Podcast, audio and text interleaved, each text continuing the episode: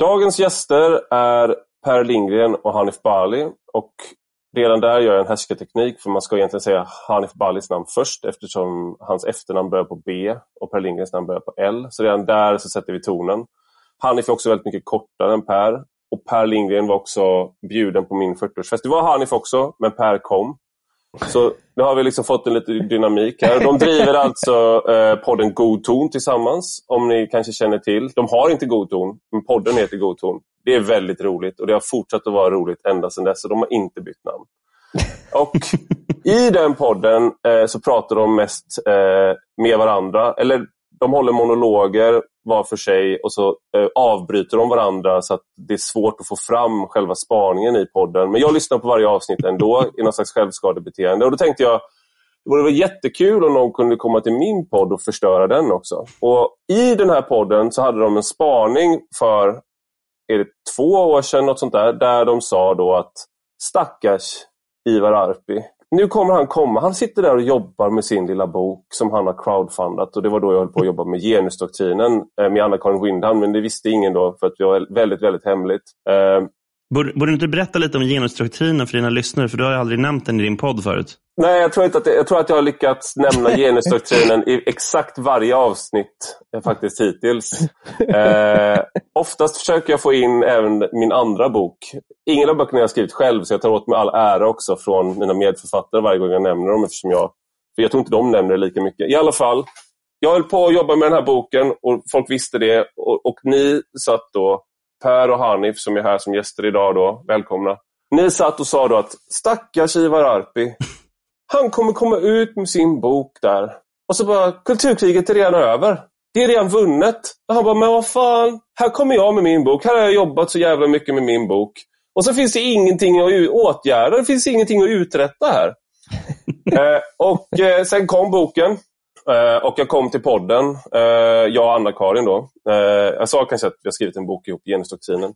Och det var, det var väldigt kul för att vi fick väldigt bra, väl, gott mottagande och sådär. Så nu ska, jag tänkte liksom att vi ska nu idag då följa upp det här, den här påståendet att kulturkriget vanns för två år sedan ungefär. Mm. Och allting som man kanske tror är kulturkrig idag, det är någonting annat egentligen. Det kanske är någon slags så här, lite som i, i Sagan om ringen-filmerna, Peter Jacksons filmer, då bara rasar i marken under orkerna eh, så att de bara försvinner. Han löser det så. Men i böckerna så ja, måste då de ju springer ju Aragorn runt och... Exakt, då måste de begå något slags ja. folkmord som pågår i ett antal år där de liksom rensar ut de sista liksom, orkerna.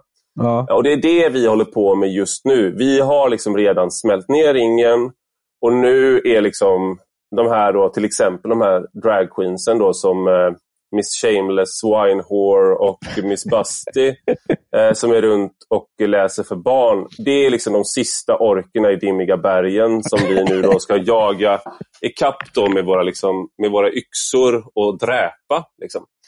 Gud, eh, våldsromantiken här.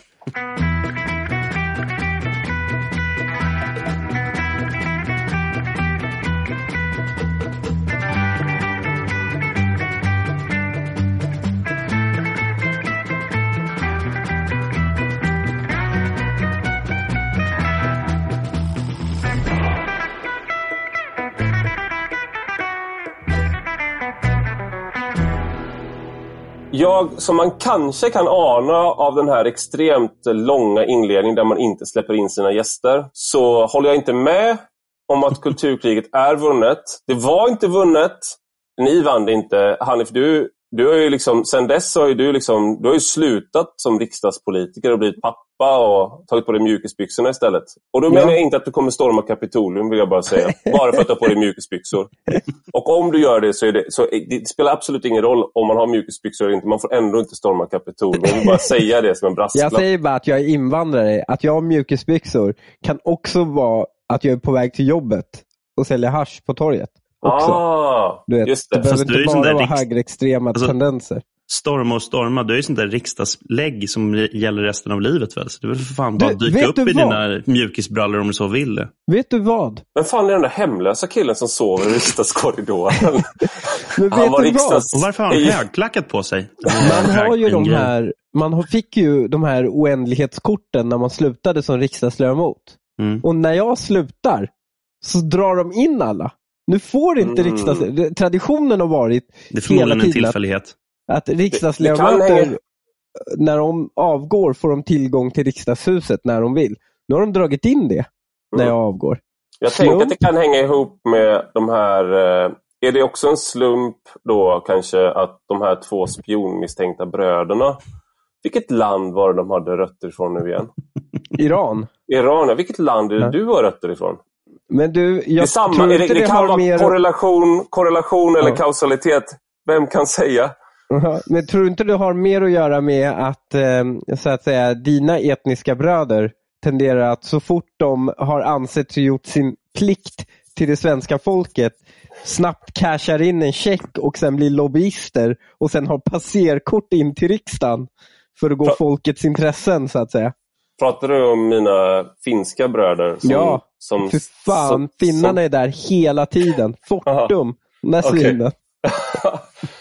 Ja, men eh, det, här, är- det här var precis... Eh, nu har vi, verk, vi har precis kommit eh, in på kulturkriget här. Nej, vi har kommit långt bort från det. Men jag tror alltså inte att kulturkriget är vunnet. Jag tänkte att jag ska argumentera för det.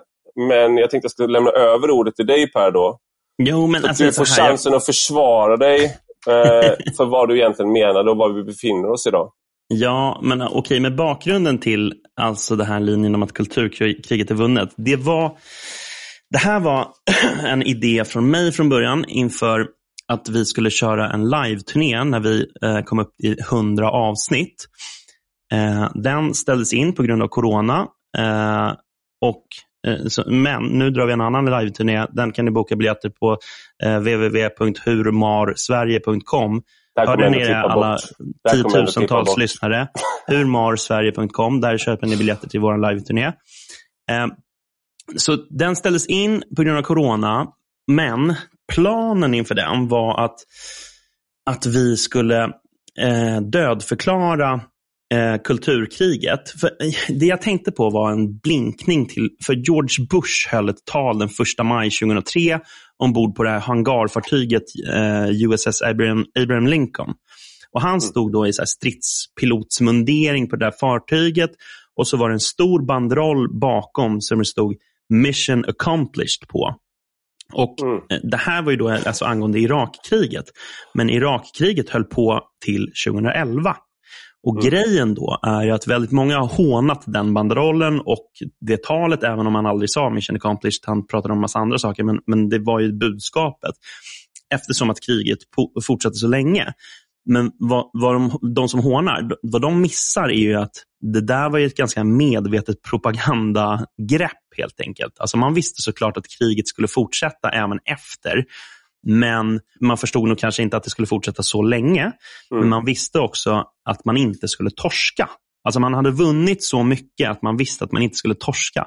Och Man valde då istället för att låta tiden bara mala på och liksom låta, låta det här kriget fejda ut, så utropade man- sig som segrare. Och Det är dels då en boost för moralen till de egna leden och dels är det jävligt provocerande för motståndarna. Att helt enkelt, ja, så det är helt enkelt ett grepp i, ett krigs, en krigsstrategi i sig själv. Liksom. Det är ett drag i själva kriget. Och Precis därför vill jag utropa ropa oss som segrare i kulturkriget. Och Jag hade då idén att eh, ja, köra, den här, eh, liksom, köra en banderoll bakom oss där det skulle stå mission accomplished. Eh, och att det skulle reta gallfeber på hela woke-vänstern. Liksom. Och Sen Mm. så råkar det vara så att jag poddar ihop med en tjuv eh, som valde att stjäla poängen och, och släppa den poängen i våran podd. Vilket ju fuckade upp hela planen. Men det var också avsnitt 173. Liksom. Det var liksom ganska många efter avsnitt 100. Vi hade nog släppt den idén. Liksom. Nej, det var innan dess. För det var innan äh, äh, Arpi kom till oss. Men, men, men äh, skitsamma, jag skulle ändå säga så här. Där vi befinner oss nu så är det ändå så att vi har ju för fan intagit Bagdad. Vi har ju rivit, vi har rivit liksom Saddam, liksom den här statyn. Alltså, woke-Twitter har liksom upprättat du, safe spaces med varm choklad och valsång på Mastodon. Liksom. Alltså, de, de ja. kan inte vinna. Men är du eh, George W. Bush i den liknelsen eller är du Bagdad Bob? jag, jag är såklart eh, George W. Bush. De mm. kan mm. inte vinna. Och, mm. och, Det som kommer ske, alltså det som kommer ske hittar vi svaret på inom samurajkulturen. För inom samurajkulturen så fanns det något som kallades för eh, bushido. Och, och, Det var en slags hederskodex. På svenska betyder det eh, alltså krigarens väg. Och man följde då ja, det betyder lagom på svenska, korrekt översatt. Okej, okay, fine. Men, men, men detta är hederskodexen eh, eh, innehåller en massa regler och, eh, som då en, en krigare har att förhålla sig till. Och Den, den viktigaste regeln är liksom en, en total lojalitet mot sin länsherre. Och, alltså så här, eller överhuvudtaget till lojalitet till överordnade. Och den här koden fördes då vidare in i, från samurajkulturen in i den japanska armén. Och Det var anledningen till att under andra världskriget, när det var över 1945, så fanns det en massa japanska soldater som gömde sig och vägrade ge upp. Och, eh, Teruo Nakamura var en sån japansk soldat. Han kom från början från Taiwan. Så 1944 dödförklarades han, vilket visade sig vara fel. För han befann sig nämligen med liksom sitt gevär, en gryta, en spegel, och en hjälm och en kniv på, på en ö som heter Morotai. Och Där levde han då i tron att kriget fortsatte långt efter att det hade slutat. Och när sen då liksom kriget var över så flög det en massa indonesiska stridsflygplan över den här ön. Och de såg då att fan, det är ju någonting som sker där nere. Det är en mänsklig aktivitet på den här ön. Och Då beslutade man att okej, vi ska bara svepa den här ön och kolla vad, vad som sker där. Så de skickade dit, dit trupper och hittar då den här mannen som tror att kriget fortsätter. Och då är året 1974. Det är alltså 30 år efter att han har dödförklarats så tror han fortfarande att kriget håller på förmodligen med viss rännskita efter att ha käkat bananer och palmhjärtan i tre decennier. Liksom. Men, och varför Robinson Diet i 30 år. ja, men, och, och, varför pratar jag om honom? Jo, för det här är det som kommer ske med kulturkriget. Alltså, om 30 år så kommer vi hitta Kitimwa Sabuni. Liksom. Han, han kommer sitta i en bortglömd del av Södermalm där han kommer stå och lära ut vilka bakverk som är rasistiska. Och, och resten av landet kommer gå vidare och kommer ha gått vidare för länge sedan. Och Grejen är då att det betyder inte att kulturkriget lever vidare. Bara för att han eh, kör den grejen så lever inte det vidare. Alltså De japanska soldaterna som smög runt på de här öarna i Sydkinesiska havet en bit in på 70-talet det betyder inte att andra världskriget levde vidare. Alltså man, man kan konstatera att vi, vi är kroniskt tvåa på bollen i Sverige. Och den här drag queens-grejen med sagostunder i Sverige, det är, alltså såklart så är det ett trött jävla eko ifrån kulturkriget i USA. Och de, de har ju redan utkämpat den striden i USA. Och Då kan vi kolla på vad, dra lärdomar från vad är det som sker i USA och vad är, vart är då kulturkriget på väg? Nej, det är inte över i USA i meningen att inga ytterligare strider utkämpas. Liksom. Men spelplanen är ändå till högerns fördel. Alltså, det är inte coolt med woke. Alltså, det är snarare blivit coolt med trad, alltså att vara traditional. Och med det kommer en massa konservativa idéer och värderingar. Så det är en tidsfråga innan liksom, de här hbtq-certifierade sneakertvättsnubbarna på telefonplan de kommer börja prata om mannens uppgift att sätta mat på bordet åt sin familj och liksom få så ekonomiskt stöd från Peter Thiel. Liksom så här, ja, men du vet, så veteranbilsmäckare istället för sneakertvätter. Liksom. Så kulturkriget är i och för sig inte över, men landvinningarna är så stora att woke-sidan kommer aldrig lyckas vända det här. Och dessutom så är det så alltså den bredare allmänheten är ju krigströtta. Man är inte mottaglig för fler liksom, pepparkaksgubbsdebatter. Vilket gör det svårt att få genomslag för nya idéer om ja, men, inte fan vet jag, montera ner pissoarer för det är kränkande för, mot de som inte kan använda dem. Liksom. Alltså, visst, folk dömer väl ut dig också, Ivar, när du twittrar om den här dragqueen-grejen eller så. Alltså, folk tycker att det är tröttsamt, men de har redan tröttnat när dragqueensen sitter och har sagostund. De är trötta på det redan i första läget. Alltså är vi på liksom vi är i vinnarhålet. Det är fan... Så, så vi har vunnit kulturkriget. Okej, okay, nu vill jag höra. Jag, ska, jag har en del jag vill svara där. Men Sure eftersom, det, eftersom eh, jag också är eh, moder, en otroligt skicklig moderator så lämnar jag över ordet till Hanif. Tack Eh. Alexandra Pascalido. nej, nej, men eh, jag håller med Per eh, i den här frågan, men det finns också några så här, jag tror folk, det finns ett eh, väldigt fint tal av eh, miljonprogrammens fader eh, i Sverige. Nu tappar jag hans namn bara för det. Men han, eh, han startade miljonprogrammen i Malmö. Och eh, när, eh, när, så blev han riksdagsledamot och sen så kom ju först 50-tals miljonprogrammen där och sen kom 60-tals miljonprogrammen som var i hela riket. Och sen byggde man ju 70-tals miljonprogrammen. Vilket är, ja det finns väl inte ett enda 70-tals miljonprogram som inte är ett getto nu. Och redan på 70-talet när han hade blivit riksdagsledamot och liksom, den här filmen måste alla se, den heter Fart till staden. Så han har liksom offrat hela sin familj. Han känner knappt sin son, som senare faktiskt blev eh, Erik Svenning. Erik Svenning, ja. Exakt. Eh, hans son blev ju då ledarskribent på Aftonbladet. Olle Svenning. Olle Svenning, ja. Mm. Eh, och, och eh, Han liksom kände knappt sin, sin son. Eh, familjen var liksom helt strange. Han märker att han har liksom lagt hela sitt liv på det här. Mm. Och då håller han ett tal i riksdagen med så här gråten i halsen. Där han typ så här, ja men ni, där, när det riktas massiv kritik mot miljonprogrammen. Mm. Ehm, och han, hans försvar är att ni kommer inte ihåg hur vi hade det förr. Mm. Det är liksom det enda han har. Och Det är det inte enda jag har, men jag känner mig lite som honom när jag säger så här, det så här barn, ni kommer inte ihåg hur det var förr. Alltså, Mm.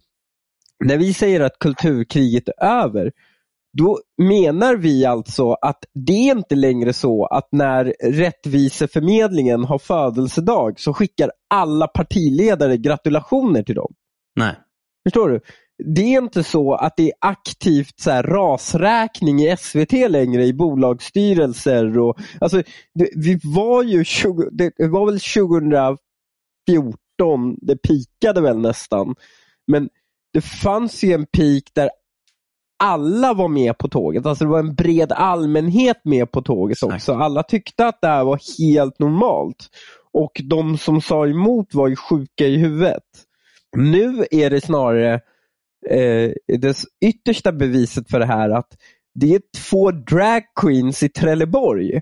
Alltså det är liksom det är så nergraderat från makten, pengarna, utan det är så här, jävla projektbudget för någon något sidobibliotek i någon byhåla.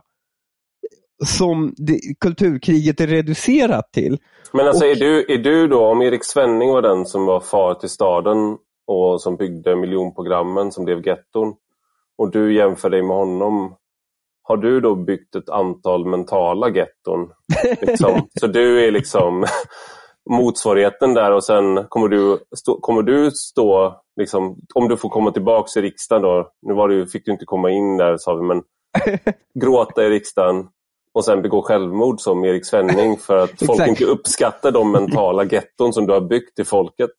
Exakt, jag kommer ta på mig partiknappen i guld som han gjorde och sin fina Dränka i ån vid Österåkers centrum. Ja exakt, D- dränka mig i Österåkerskanalen.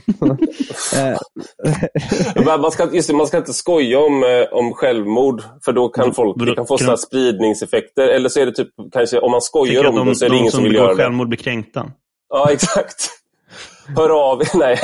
Eh, ja, men fortsätt Halle, för du var inte klar. Nej, men jag, jag tänker bara att eh, Eh, det, de som är kvar i kulturkrigsgrejen, det är liksom som, som går på, de enda som nappar egentligen på de här grejerna är ju lite så här SD-boomers ute i kommunerna som inte helt fattat att striden är vunnen. Det är vi som har det är vi som har problemformuleringsprivilegiet.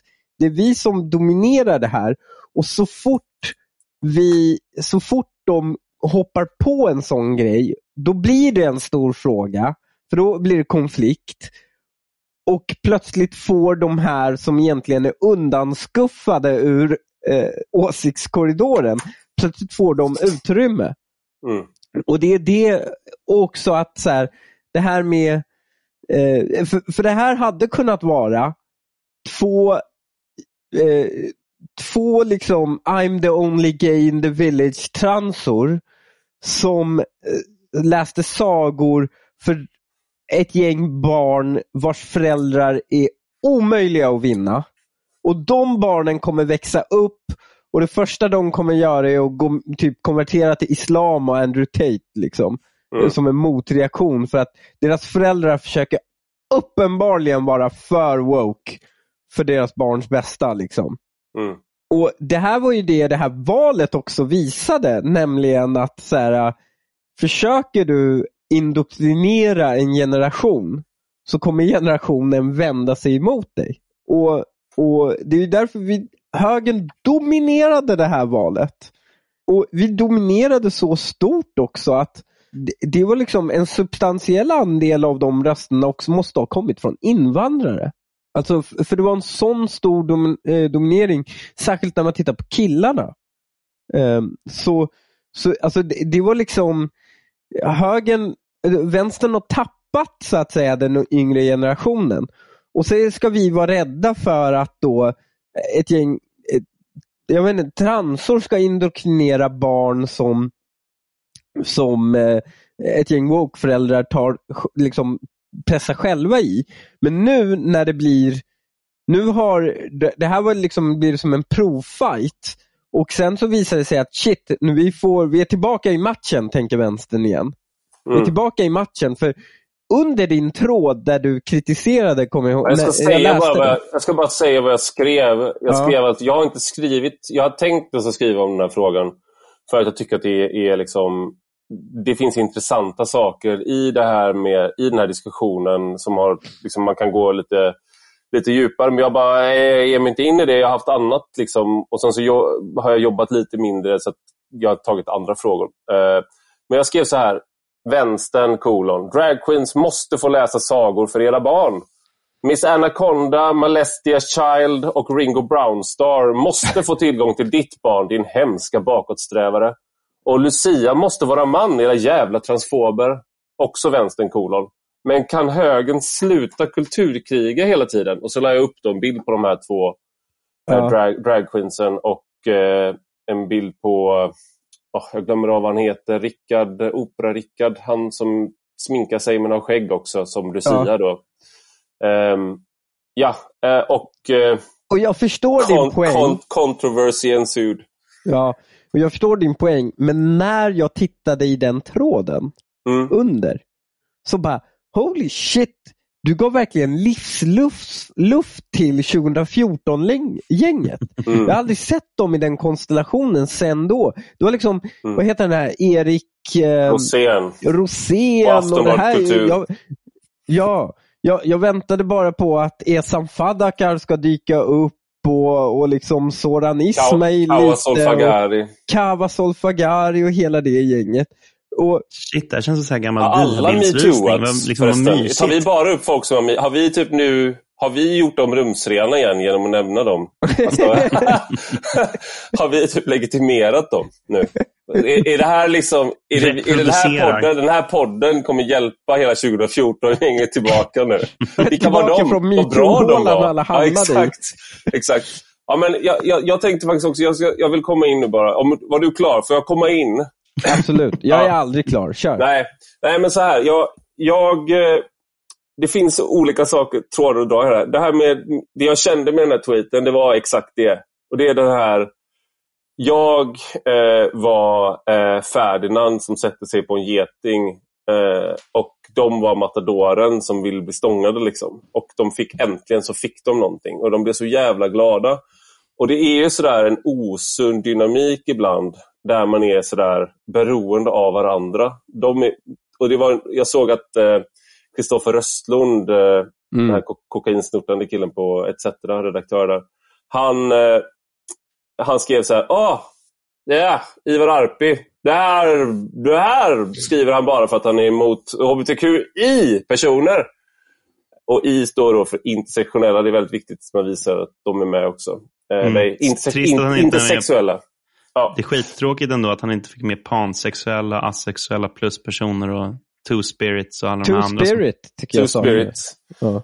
Jag, alltså, jag gillar spontant med min new age-bakgrund. Så, så two spirit känner jag. Jag vet inte vad det är, men jag känner spontant mig dragen dit. Skulle jag Får jag säga. förklara vad det är? Vi måste, Jag måste få förklara vad Är det det att man har ett totemdjur? Ja. Typ som en vombat? Eller Nej, någonting? alltså det här är ju, tydligen fanns det inom indiankulturen i Kanada vissa som inte hade ett kön. De hade liksom Mm. två kön. så. De var two spirit. Och när de här klassificerades in i transpersoner Mm. så tog de oerhört illa upp. De bara, vi är inga jävla äckliga transor. Ah, just Så då det. separerade man ut dem ur trans. liksom. Men det var okej, för indianer får hysa sådana åsikter. Men det blir också någon, eh, liksom, blir det någon slags kolonial praktik där du Ja. försöker använda den västerländska liksom, vetenskapen och sådär. Men i alla fall, eh, att jag är emot hbtqi-personer och sånt där, de fick, de fick chansen att säga de här sakerna. Mm. Och då har man ju den här, jag har gett dem den möjligheten nu. Liksom. Mm. Jag gav dem det de ville ha. Men det, det får vara, liksom ibland så får det vara okej. Det, det jag tänker med kulturkriget, jag vill gärna återvända till drag queens, men när boken släpptes, genusdoktrinen, om ni har missat det, eh, då var det ju väldigt få som ställde upp i debatt mot oss. Och Det där är Mm. någonting som har återkommit i eh, alla sammanhang egentligen som jag har försökt att debattera, identitetspolitik, eh, feminism, genusvetenskap, allting som har med kulturkriget att göra egentligen. Det är att oftast, jag är inte konspirationsteoretiker, men det finns konspirationer eller liksom påtryckningar bakom eh, lyckta dörrar och ibland så får du reda på det genom att du får det bekräftat att någon läcker saker till dig. Eh, och det som skedde var ju att eh, alltså de akademikerna vi kritiserade, de hade seminarier med varandra. Det har också varit väldigt många tillfällen där jag ska vara med i en debatt om till exempel migrationspolitik och det är någon det är vänsterperson som anordnar eller sådär, som är moderator som bjuder in. Och då säger den andra motdebattören då att jag är inte med om Ivar Arpi är med. Och Mm. oftast då så får du höra att tyvärr vi har gått vidare med någon annan, du får aldrig veta orsaken. Men ibland så får du veta orsaken. Mm. Och då är det ju liksom, och då kanske för att de sätter hårt mot hårt, men Ivar har redan tackat ja. Så då tar vi in någon annan än dig. Det här är något, ett mönster som går igen, att liksom myndighetsföreträdare kom aldrig kom inte ut på banan. Det var inga rektorer som svarade, det var ingen från Jämställdhetsmyndigheten som svarade. De, de gick inte att granska heller. De lämnade inte ut dokument som de, har, de enligt lag ska lämna ut, eh, vilket inte heller blir någon stor grej. Eh, akademikerfacket var liksom på maktens sida i de här frågorna. Eh, mot akademisk frihet skulle jag hävda då. Samtidigt som boken sålde jättebra. Eh, vi blev inbjudna att prata på massa olika ställen. Massa studentföreningar. Eh, po- alltså många politiker hörde av sig. Jag har pratat med riksdagspolitiker av liksom alla Tidöpartierna. Liksom har pratat med och varit i riksdagen flera gånger och haft dragningar på olika sätt. Öppet och liksom mer, mer privat. Sådär.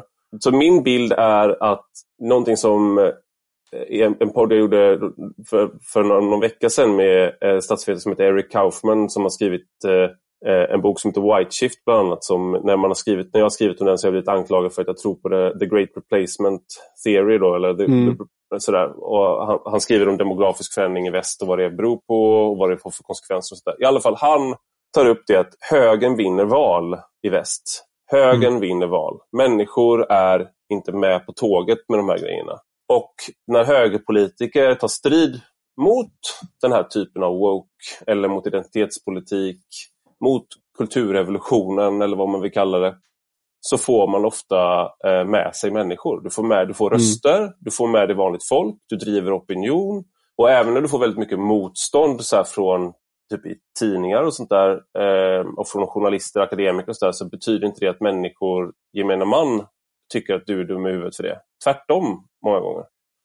Eh, men han menar då att institutionerna är typ förlorade för högern. I alla fall i Storbritannien och USA. Mm. Och så han tror, menar liksom att högern, mm. hög, han menar ju då att högern behöver eh, tänka hur man ska använda politik. Han menar att man ska använda govern governmental powers, alltså statens makt går det väl typ att översätta med. Um, för att vi kommer, liksom, högern kommer inte att vinna universiteten. Högern kommer inte vinna medierna. Högern kommer inte vinna de här liksom, institutionerna. Mm. Men högern vinner val. Och då så, här, så när man då pratar om var kulturkriget är vunnet så är det så här, ja, man kan skriva idag eh, en text om kriminalisering av att man liksom, om samröre med eh, terrororganisationer. När jag skrev den texten 2013 och 2014 så fick jag extremt mycket mothugg. Morgan mm. Johansson var ute och liksom Ann Ramberg och allt sånt där.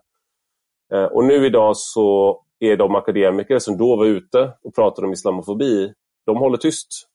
Mm. För att de, men de sitter kvar. Mm. Så kulturkriget, det, ja, det är den här Neil Ferguson har den här liknelsen, mellan, han skrivit en bok som heter The Tower and the Square. Och nu, som jag inte har läst.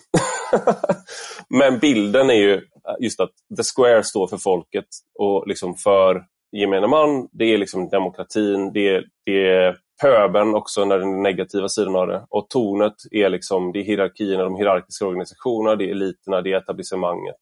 Vi har vunnit eh, torget, skulle man kunna säga, i mm. kulturkriget. Mm. Men de sitter kvar i sina torn. Jag tror att du har helt rätt.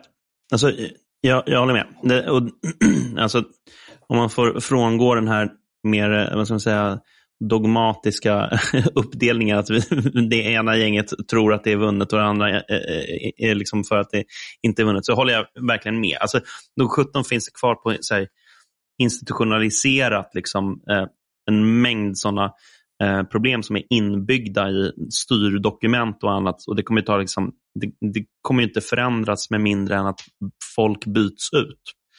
Eh, och Det är inte så jävla sannolikt att det blir ett sånt eh, folkutbyte, på tal om eh, replacement theory, men alltså i typ myndigheter och media och så vidare. Det är, inte så sannolikt eftersom att det finns eh, en homogenitet i, eh, som uppstår alltså efter, efter preferenser, vad man söker sig till för yrken och liknande. Och Det kommer därmed, alltså det kommer helt enkelt styra utfallet i vem, alltså vem som söker sig till vad kommer styra kulturen på den arbetsplatsen. Så att, liksom, att media är vänsterlutande, hate break it, Anders Lindberg, det är media.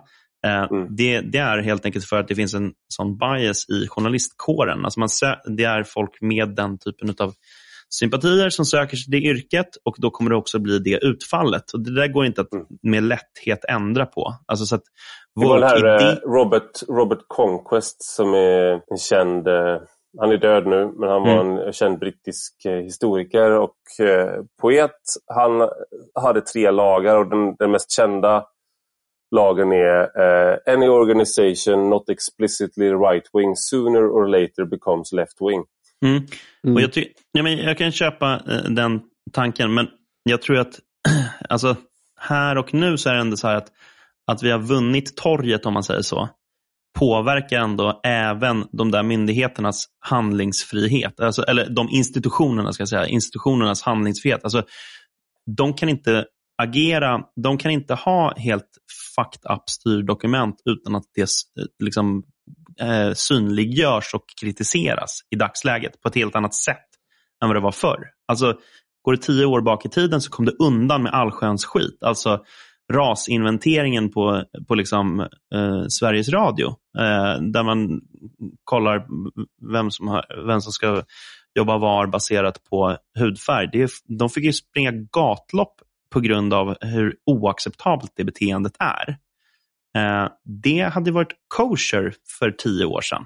Mm. Så även om, fort, även alltså, om idéerna finns där. Fortsätt. Alltså, grejen är efter att så här, hela den här debatten om eh, jämställdhet, integrering och alla sådana där saker eh, så var det ju eh, så trappade man ju upp målen. Så allting som vi skrev i den boken, eller allting som var i den debatten, allt det där blev ju, tog de ett snäpp vidare sen i nästa steg från regeringen i regleringsbrev, styrdokument och instruktioner och allt det där. Samma sak på alla forskningsråden, att de, eh, de gjorde det ännu mer explicit eh, och mer omfångsrikt och Jämställdhetsmyndigheten har ett mycket större, mycket mer resurser än vad man tidigare hade i de här frågorna. Och, Fast vi la väl ner det nu? nej, Jämställdhetsmyndigheten är kvar. Va? Är du säker? Nej, Alltså, ska, ner den. alltså den ska väl läggas ner åtminstone? Den ska väl läggas ner med den här bu- nya budgeten? Mm. När, när kom den? Alltså när kom det beslutet? Det har jag missat. Alltså, det det är, budgeten spikas ju i dagarna. Blir ju Nej, den, den, den klubbades väl häromdagen, gjorde den inte det? Ja, exakt. Men, Mhm. men, men, alltså den, nej, men jag bara googlar nu. Myndigheten verkar ju finnas kvar, men jag trodde fan att Jag den är skulle ganska säker läggas på ner. att den läggs ner. Alltså Delmos lades ju ner, men Mm. Jämställdhetsmyndigheten skulle åtminstone läggas ner. Men det Mm. kanske... Jag tror inte att den kommer läggas ner av det enkla skälet att det är Liberalerna som sitter på Mm. Jämställdhetsministeriet. Men Eh, Liberalerna är emot den också. Ja, jag, Liberalerna är emot myndigheten för att vad myndigheten gjorde att den tog ju ett ganska välfungerande eh, arbete som fanns i Östergötlands länsstyrelse mot hedersförtryck och så flyttade den till den här väldigt politiserade myndigheten. Och det blev Mm. Liberalerna, de som tycker att det här med hedersförtryck är förkastligt i Liberalerna, mm, eh, det provocerade dem oerhört. just det. Eh, Så- mm. Så ja, men jag får, vi får hålla koll på det där om, om det läggs ner eller inte. Men handlingsutrymmet för att göra sådana saker är ju större än någonsin. Politiskt. Mm. Alltså, Alltså att, att lägga ner den myndigheten menar du? Ja, ja. Alltså, Om man jämför med, låt oss säga att Anna Kinberg Batra hade, hade vunnit. Eh, Mm. liksom, Moderaterna hade vunnit 2014, Fredrik Reinfeldt hade inte avgått. Mm. Eh, eller hade fortfarande avgått och Anna Kinberg Batra tar över. Mm. Eh, jag tror hennes möjlighet, politiska handlingsfrihet och typ lägga ner sådana här grejer hade ju varit ganska begränsad. Du behöver ju ändå torget om du ska attackera tornen.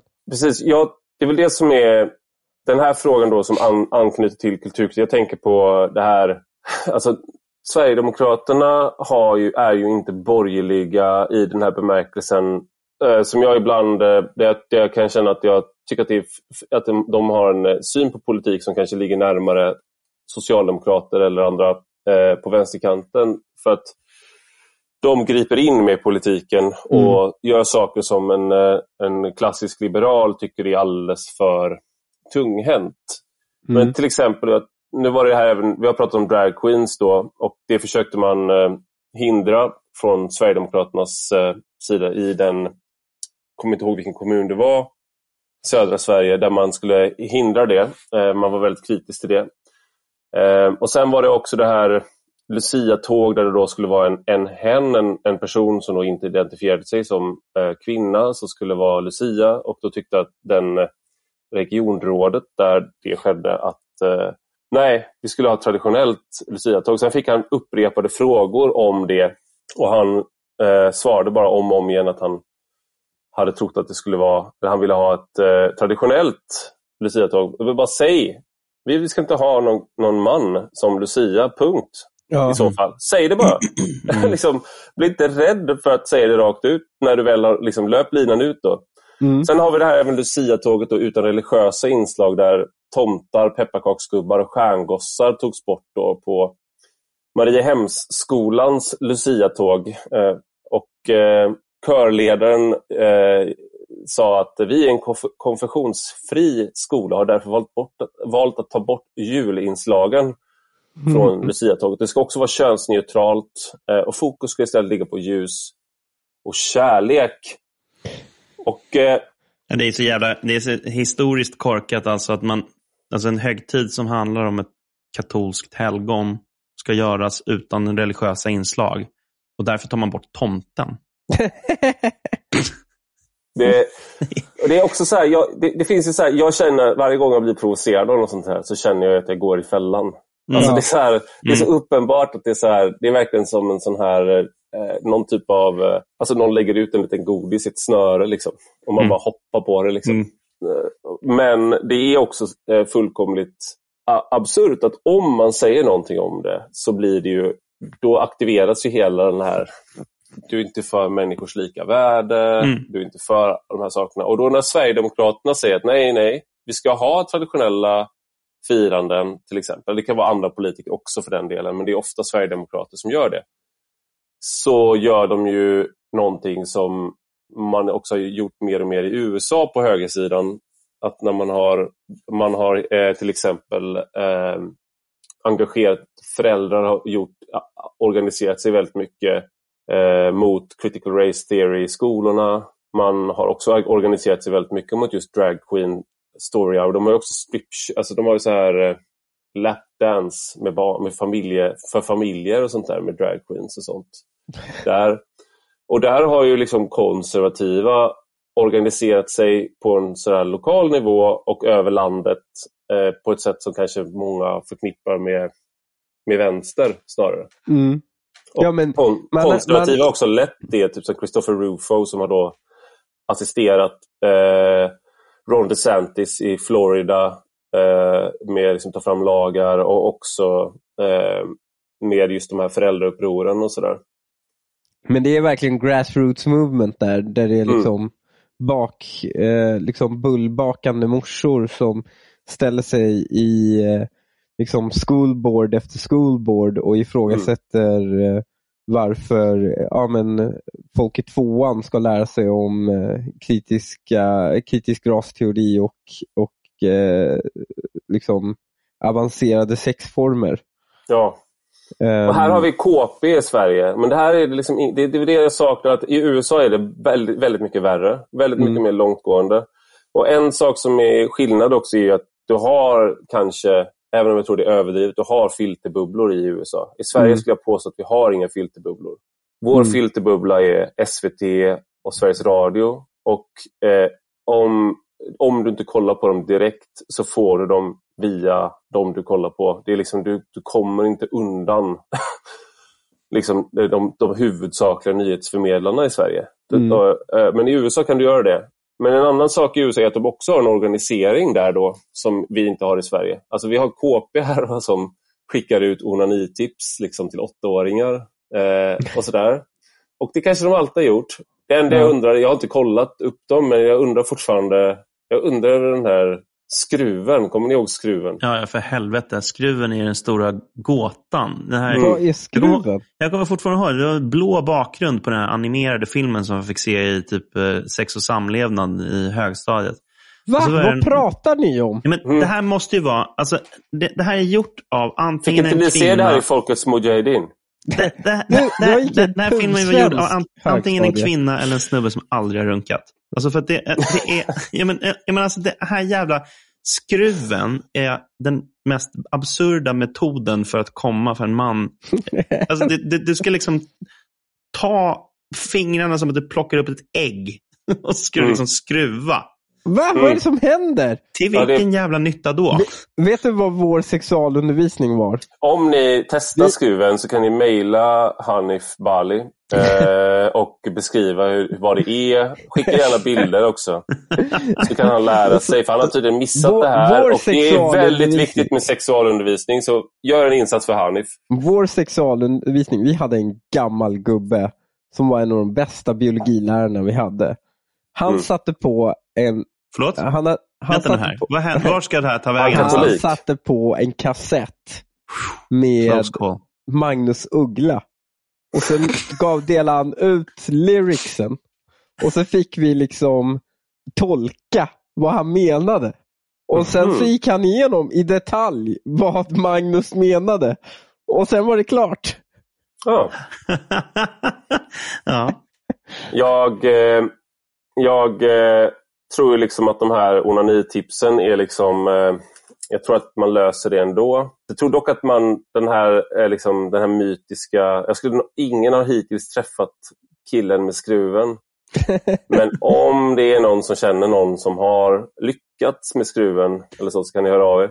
Men eh, annars är det liksom att det där, där är ju faktiskt, eh, om det är så jävla viktigt med sexualundervisning, varför far de med osanning då? Varför mm. ljuger de om den manliga fysiologin? Mm. Liksom? Varför förvirrar de åttaåringar? Vad fan är det här? Men det, någonstans är det så att vi har ju liksom ingen, vi har ingen sån här eh, upprördhet över eh, så här de här grejerna ofta. Och Men, men jag måste man- bara flika in, man, eh, åttaåringar, vad, vad, vad, fan, vad var det som skedde i Göteborg egentligen? Hade ni sexualundervisning när du gick i andra klass? Eller vad fan? Alltså, Alltså- där gick vi på högstadiet. Ja, det här Ja, är ju nian. Liksom. Men KP skickas ut till, alltså där det står Jaha. de här sakerna. Det Jaha, skickas ut ja, ja. till, ja, men till KP, barn i den den åldern. här kropp och knopp-sidan. Ja, och du skickar ut de här sakerna och där det står just sådana här saker. Så du får Mm. liksom, du kanske inte får det i, i klassrummet, eh, tack och lov, när du är åtta år då. Men det här är ju också då det här är också en sån där sak som att man har barnböcker. Man har mycket sådana här saker som riktar sig till barn i Sverige. Och hade det varit i USA så hade det garanterat funnits eh, ett så här föräldrar som engagerade sig mot det. Antagligen hade man inte som svensk tyckt att de var helt, eh, hade helt rätt på alla punkter kanske. Att de hänvisade till eh, abrahamitiska urkunder som man själv inte höll med om fullt ut kanske. Eh.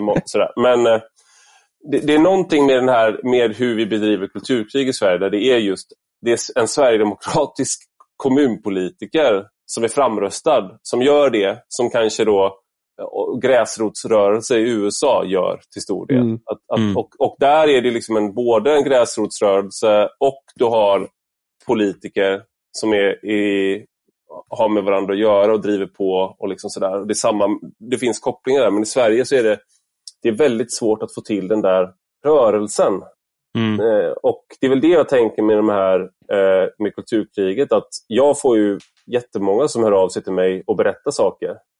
Och de, väldigt många av dem är otroligt rädda.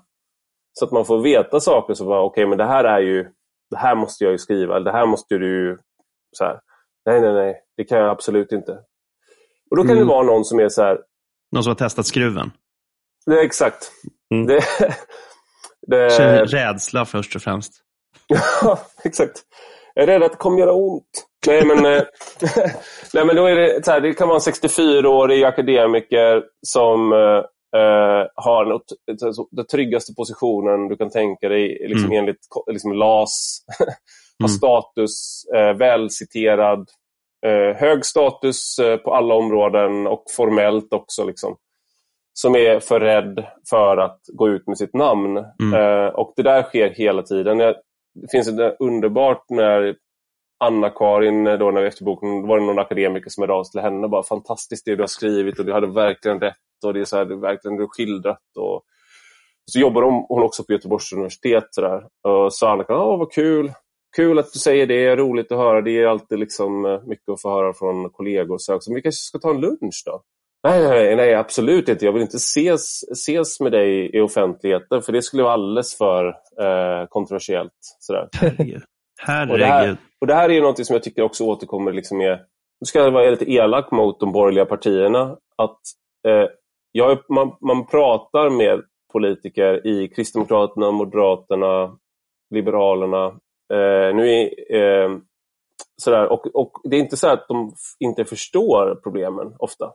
Det är bara det att man har en, en prioriteringsordning som är, helt annorlunda, som är annorlunda. Och eh, kanske är det rimligt, men eh, att man vill kanske sänka skatten om man ska vara, ha, ha, lite, ha en nidbild av Moderaterna eller man vill liksom återinföra en familjevecka om man är Kristdemokraterna, det har de inte gjort.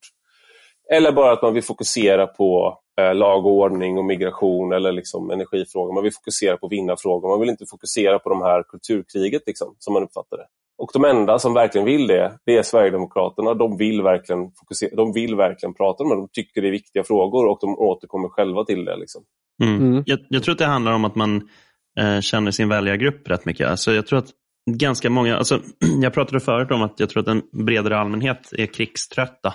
Alltså, Mm. och det, det är väl helt enkelt det som förmodligen eh, Liberalerna, Kristdemokraterna och Moderaterna har identifierat. Alltså, Nej, visst, nej. Den, jag sverigedemokra- tror- nej. den sverigedemokratiska crowden är ju inte krigstrött på det sättet, utan de brinner för de här frågorna. Men skulle, skulle Moderaterna vara ute och svinga i kulturkrigsfrågor så skulle nog rätt många i de egna leden tycka så här, fy fan vad löjligt, det här är liksom inte prioriterat. Mm.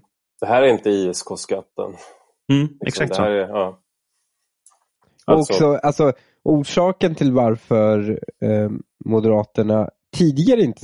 Alltså, det är ju lite, så här, Moderaterna har inte varit ute och svängt i de här frågorna förut för att man var fega. Alltså, man, delvis att det inte var prioriterat och också att det kom med en stor kostnad. Ja. Eh, idag kommer det ju inte med lika stor kostnad. Men nu visar det sig att man är ju snarare ganska ointresserad av frågorna. Mm. Mm. Snarare tvärtom med, med den här drag queen-grejen har ju Parisa Liljestrand då som är kulturminister uttalat sitt stöd till dem så att säga och kritiserat Sverigedemokraterna. Mm. Mm. Men det här är deras mag. Det är väl det här som är grejen. Att det är ofta en magkänsla Mm. från borgerligt håll, från höger, eller sen liberalkonservativt håll, eh, som jag tror att jag delar i grunden. Och det är den här armlängds avstånd, politiker som politiskt ska jag inte uttala mig om den här saken och man ska liksom ja, stå för frihet och sånt där. Men ja, fast spelet är riggat. Eh, Så hur kan du, liksom, om du ska säga de där sakerna, visa då först, förtjäna att få säga de där sakerna genom att i så fall rigga spelet till fördel för frihet. Alltså, Ja, men det, det man ska göra, vilket är när man har en position som vi har nu som liksom eh, som redan vunnit, alltså segrarna. Mm. Det är ju att man bara ska skratta åt det. Alltså du ska ju håna det. mm, inte bara, nu kommer våra barn förstöras. Somebody think of the children-grejen som SD tar är ju jättetöntig. Um, utan och, och också ganska destruktivt. Det ger bara näring till vänstern att försöka igen. Alltså just nu så har ju andelen drag queens uh, har ju liksom som ansöker om bidrag för att, uh, för att få prata, Eh, för, för att läsa sagor till barn har ju tiofaldigats. Jag kan lova dig att det kommer bli en sån motreaktion för att det har blivit så mycket liv om det här och drag queens är ju inte kända för att inte söka uppmärksamhet direkt. Så, så det, liksom, det här kommer ju bara leda och samtidigt märker de att så här, jag, jag får ju inte alla med mig men jag får en tillräckligt stor andel människor med mig för att känna att jag har någon form av medvind här. Medans om högens reaktion det på det kan här man ju känna igen sig i. Ja, ja. Eh, men, men om högerns reaktion på det här hade varit att bara garva åt det. Alltså garva det, håna det, kanske göra en grej men bara förlöjligande. Istället för att ta det på blodigt allvar. Mm. Alltså jag, håller, jag tror att jag håller med dig, men jag tror att jag, jag, tror att jag är mer av en eh, liksom, eh, tönt i det här avseendet. Att jag tycker Okej. liksom att, eh, om man ska kalla det då liksom töntigt, det här med tänk på barnen. För jag tror liksom att ett problem med många av de här debatterna som har varit är att dynamiken och dramaturgin eh, liksom är hela tiden footloose. Sådär. Det är några som bara vill dansa och ha kul och så är det några som är så tillknäppta och bara inte vill låta liksom Kevin Bacon dansa. Ja. Eh, och då är man alltid de här liksom, eh, de tråkiga som sitter där och, med sura miner och man vet att han är och dansar i ladan. Liksom. Sådär, låt honom bara dansa. Liksom. Eh, och samma, att man, det är den dynamiken det har varit. Och Sivert Öholm liksom, med videovåld och allt sånt där. Det har varit så oerhört töntigt. Och sen så bara är det den där dynamiken som spelar. Och så tar vi gangsterrappen till exempel. Och sådär. Man bara, men de... och den här eh, men vi vann ju gangsterrappen. Ja, men det var så här sketchen med Key and Peele där han bara, eh, men alltså, du säger ju allting i låten, hela mord, hela förloppet liksom. Så här, bara, Mm. men det är konstnärlig frihet, alltså, det är bara fiktion. Så här, bara, men du, du, du, till och med var kroppen är gömd är liksom med i låttexten. Så där. Och det är ju typ svensk gangsterrap idag. Det är liksom så här, man bara, vi kan ju använda det här i rätt, det används i rättegångar. Liksom. Och då kan det vara, finnas ett behov av att prata om så här, ja, men okej, hur påverkar kulturen eh, barn och hur påverkar det oss? Och hur Ja. påverkar det... Men eftersom det är aldrig okej när det kommer från höger, för då, är det politiser då politiserar man. Ja, men, det om, finns om du pratar om så här, i den fighten. Ja men exakt, alltså med jazzin har slängt sina priser efter att man har tagit bort hiphop och soul-kategorin från P3 Guld. Alltså jag menar Mm. så, här, så jävla tydligare liksom, game set match än så går det inte att bli. Där vann vi. Alltså, så här, och det var ju genom torget vi vann. Vi vann torget och därför så blev institutionen tvungen att ändra sig. Det är inte någon av de där woke nollorna på P3 som har fattat någonting. De har Mm. bara agerat eftersom att torget krävde det. Och inte Okej, bara det, det, det var också vi, vi, pratar nu om det, vi pratar nu om det, liksom, det eh, metaforiska torget, för de faktiska torgen vann de. jo, det stämmer ju. Exakt. De, de, Så de det är inte. Rinkeby torg, utan det är Neil Fergusons torg vi pratar om här. Nej, men, men sen så har det ju också med såklart att göra att vissa fighter går ju inte att vinna. För det finns inget så här, du kan inte mäta, har jag vunnit här eller inte? Eh, Vilken fight då? Ja, men alltså eh, drag queens, vad är, vad är det, när har vi vunnit? Hur utvärderar man den fighten? Eh, jag, jag skulle vilja säga att när högern kan eh, ta strid för, eh, liksom, mot eh, till exempel identitetspolitik, för sina värderingar, för saker som eh, man tycker är viktiga. Nej men det, det där är Eh, abstrakta mål. I just det här fallet med Jaha. drag queens för att läsa, alltså som läser för barn. När vinner man den När inga drag queens läser för barn. Nej, det, nej det, går inte att, det går inte att vinna den på det sättet. Nej. Nej, medan det är ju väldigt lätt när det kommer till eh, liksom målet när vi började kritisera eh, den här hiphop, eh, gangster eh, rappen var ju så här, sluta ge dem priser och sluta låtsas som att de är random artister. Mm. Och Det var ett väldigt tydligt mål och det var ett krav som gick att ställa på tornet. Förstår Mm. du? Och det, det, det finns inte på samma sätt här. Jag, jag tror inte det går att uppnå samma, eh, samma sätt. Plus att liksom det blir liksom, det, det finns också en stor, det finns också en stor, fanns ju en stor risk för tornet, om vi ska kalla det så. Nämligen att om de tog dem i försvar, då kunde vi anklaga dem för allting de här människorna gjorde. Mm. Och Jag tror att det är inte så svårt att skaka fram drag queens nu som, som inte har gjort något förargelseväckande. Nej, och jag vill bara säga det nu med Dragon. Jag har tänkt att säga det mycket tidigare, men alltså så här, det här är min kritik och det, här kommer, det är det jag håller på att skriva nu också i en text. Otroligt angelägen text om drag queens. Det har varit för få För eh, män i medelåldern, vill jag bara säga. heterosexuella fyrabarnspappor som skriver om exakt vad de tycker om drag queens. tycker jag. Det är väldigt intressant för alla. Men det här är det jag tycker då. Det är liksom att eh, drag queens är ju en eh, Folk kallar det liksom en, en, en konstform eh, och det är en show och det kommer ju från eh, liksom, homosexuella män. Eh, det är därifrån det kommer. Det liksom, ska inte för, liksom, förväxlas med transvest, transvesti, transvestiter som är någonting annat. Utan det är liksom en, en, eh, en typ av show helt enkelt. Och där man leker med eller utforskar liksom feminitet. Det är såklart en liksom, vul, vulgär version av det, vilket Mm. är hela poängen. Och som en sådan så är det liksom har jag inte någonting att säga om det. Jag är inte så intresserad av det, men jag, jag har liksom ingen, ingenting så här, åh, det måste förbjudas. Vi måste, eh, de får inte, eh, om jag ser, vi måste så här, stänga ner eh, RuPauls eh, drag race eller vad det heter. Vi måste, så där, vi måste stena dem på, på torget. Eh, det, det är liksom inte det. Utan där tycker jag bara att ja, men det är fine. Men gör, gör vad ni vill och jag tycker inte heller att det är något problem. Utan det är den här bland, för mig är det den, eh, blandningen av det vuxna med barn. Det är det som Mm. är stötande. och det, här, det finns en historia. Jag säger inte att drag queens är groomers, men det finns... Om jag ska säga till mina barn eh, vad de ska akta sig för, då tänker jag inte vara politiskt korrekt. Så att säga, Mm. om någon är väldigt angelägen, en vuxen människa är otrolig, en vuxen man är väldigt angelägen om deras uppmärksamhet, då ska de gå därifrån och de ska ta sig därifrån. För det är inte, liksom, i regel är det bara en bra shorthand för att undvika fara. Det är inte alltid rättvist, men det skiter jag i. Eh, och det, det där är liksom, om du, om du kommer vilse, om det är något som är problem, fråga en tant, fråga en kvinna eh, om Mm. hjälp. Det, det har vi lärt dem. Och det är så här, statistiskt sett är det mycket säkrare eh, av massa olika skäl. Eh, och det här är liksom, de här männen då som eh, klär ut sig och har, kommer från den sexuella världen, de är inte, såklart inte där för att vara sexuella med barnen. Men det du tränar barnen på är att det här är någonting eh, som är helt normalt. Att de här, den här människor som är liksom sexuell, sexualiserat sig själva är helt ofarliga. Och det är de inte.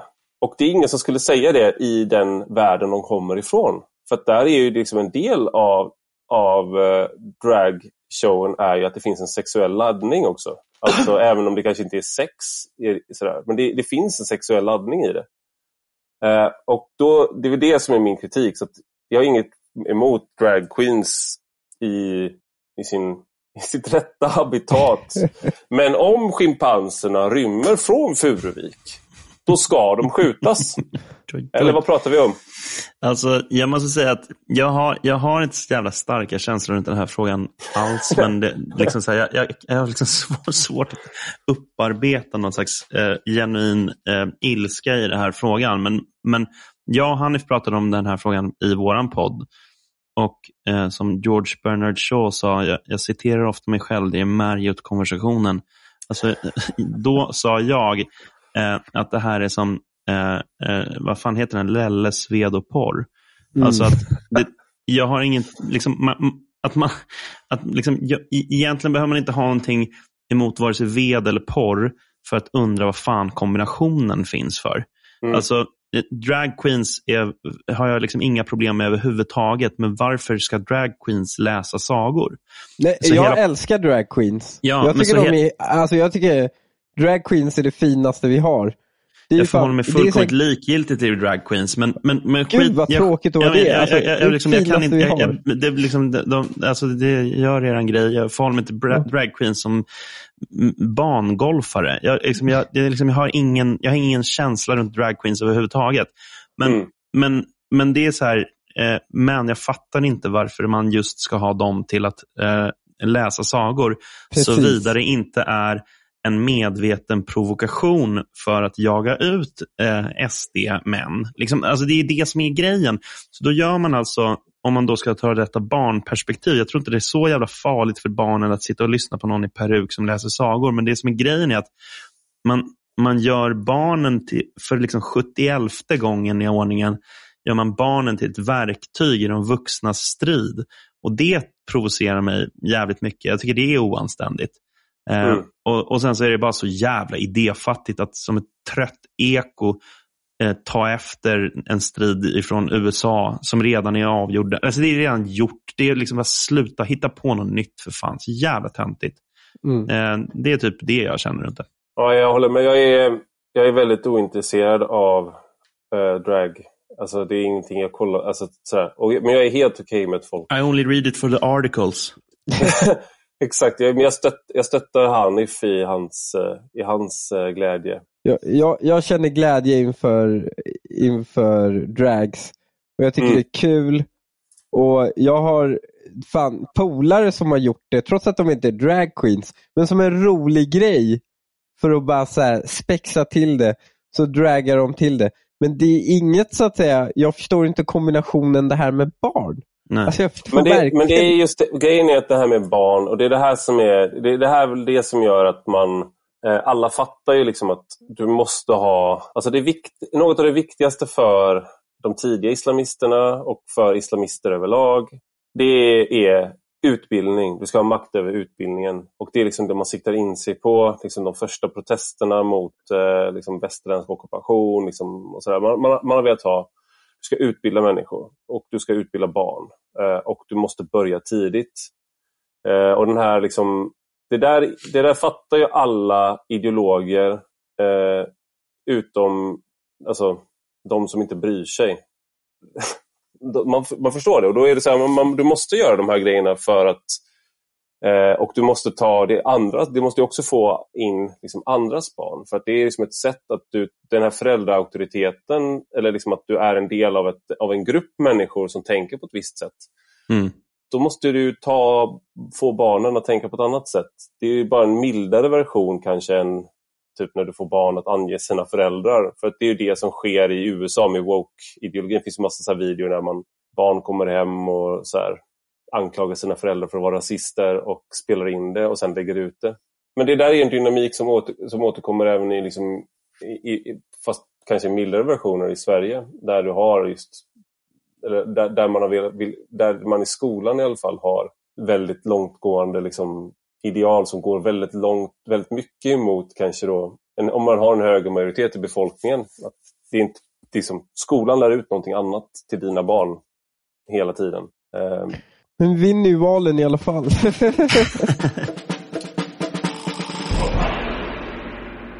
Nu när jag ändå har er här, det, här, det pratas väldigt mycket om den här regeringen, hur kast den är och att den har svikit så många löften och att de är så typ deprimerade. De är low, vad skulle Donald Trump ha kallat dem? Typ så här, Low energy. Low, low energy Ulf. Nej, men jag vet inte, men att det, är- det är inte den här hungriga säljarna som det var inför valrörelsen. Där smack, smack, smack med, med löften och sådär. Vad, vad är ert, liksom, er utvärdering, ni som har varit så liksom, nära de här människorna, jobbat med de här människorna. Hur, hur, hur går det för vår nya högerregering? Alltså, det är ju Jag tycker är stora drag. Alltså, kollar du på migrationspolitiken så har man ju lagt om den på ett sätt som kommer ha verklig effekt. Kollar du på eh, brott och straff så eh, liksom har man ju åtminstone tagit steg i riktning mot någonting som kan bli riktigt bra. Men den finansiella politiken lämnar jävligt mycket övrigt att önska och det finns absolut ett antal vallöften som redan när de formulerades var idiotiska att formulera. Alltså man borde ha för, kunnat förutse att det inte skulle kunna gå att leverera på den nivån som man äh, uttryckte. Sen så kan man väl säga det att alltså, det ekonomiska läget är ju vad det ekonomiska läget är. Vi kliver in i en lågkonjunktur med hög inflation, det är krig i Europa och alltihopa. Det är klart som fan att det är ett svårt läge att navigera i, men ju- kanske just därför ska man vara lite försiktig med att göra utfästelser som man inte kan hålla sen. Jag tycker, alltså det är så sällsynt eh, eh, naivt av politiker som alltid alltså, måste göra löften. Och, och Det känns att det inte finns ett mellanläge. Antingen så gör man en valrörelse som Magdalena Andersson och säger exakt ingenting. Lovar exakt, Seinfeld-valrörelsen. ja, ja, lo, about lovar ingenting, men, men det finns ju för sjutton någonting däremellan. Det går ju att säga att, vad, vad man har för intentioner utan att säga så här, till det här och det här datumet så lovar jag att följande ska ske. Jag Bara, Va? Vad fan lovar du det för? Du vet inte ens vilken ni ska bilda regering med. Det är vansinne. Jag, jag, ehm, alltså jag är ganska nöjd över avtalet. Mm. Alltså Tidöavtalet, när man läser den så är det nice, nice, nice, nice. Men sen när det kommer till energinivån så är det ju, ens, alltså, tycker jag inte det är tillräckligt. Sen är ju också den stora frågan blir så här, okej, vad är Tidöavtalet 2? Den diskussionen måste påbörjas nu. Så Ja. vad är steg två? När vi fått igenom allt det här så kan vi inte bara, nu är vi färdiga, Nej. utan, utan nu måste vi ha diskussion om vad som är Tidöavtalet 2. Och det vore klokt om regeringen, i alla fall, och regeringspartierna i alla fall pekade ut så här, det här är vad vi, det här är nästa avtal. Det här är vad, nästa grej vi vill ha igenom. Jag vill Eh. se ett, jag vill se ett, ett jävla Alexander-hugg mot slöseriet. Alltså, bara vrida åt slöserikranar i form av liksom lägga ner ett knippe myndigheter eh, och liksom kapa i alla jävla ledder. Eh, och alltså göra det på ett sätt som är bestående så att man liksom inte kan ändra det från en dag till en annan. Liksom. Alltså sossarna är experter på att typ införa skatter på så här, nej men det här är på 0,1 procent, det är ingen fara. Då har de fått in foten igen- innanför dörren, sen så är det bara att höja den där år efter år. Liksom. Mm. Man ska göra samma sak, bara lägga ner, lägga ner massa grejer. Så man minskar kostymen. Det, det var som eh, när, eh, fan vad det är, det var Göran Persson som började införa ett båtregister. Mm.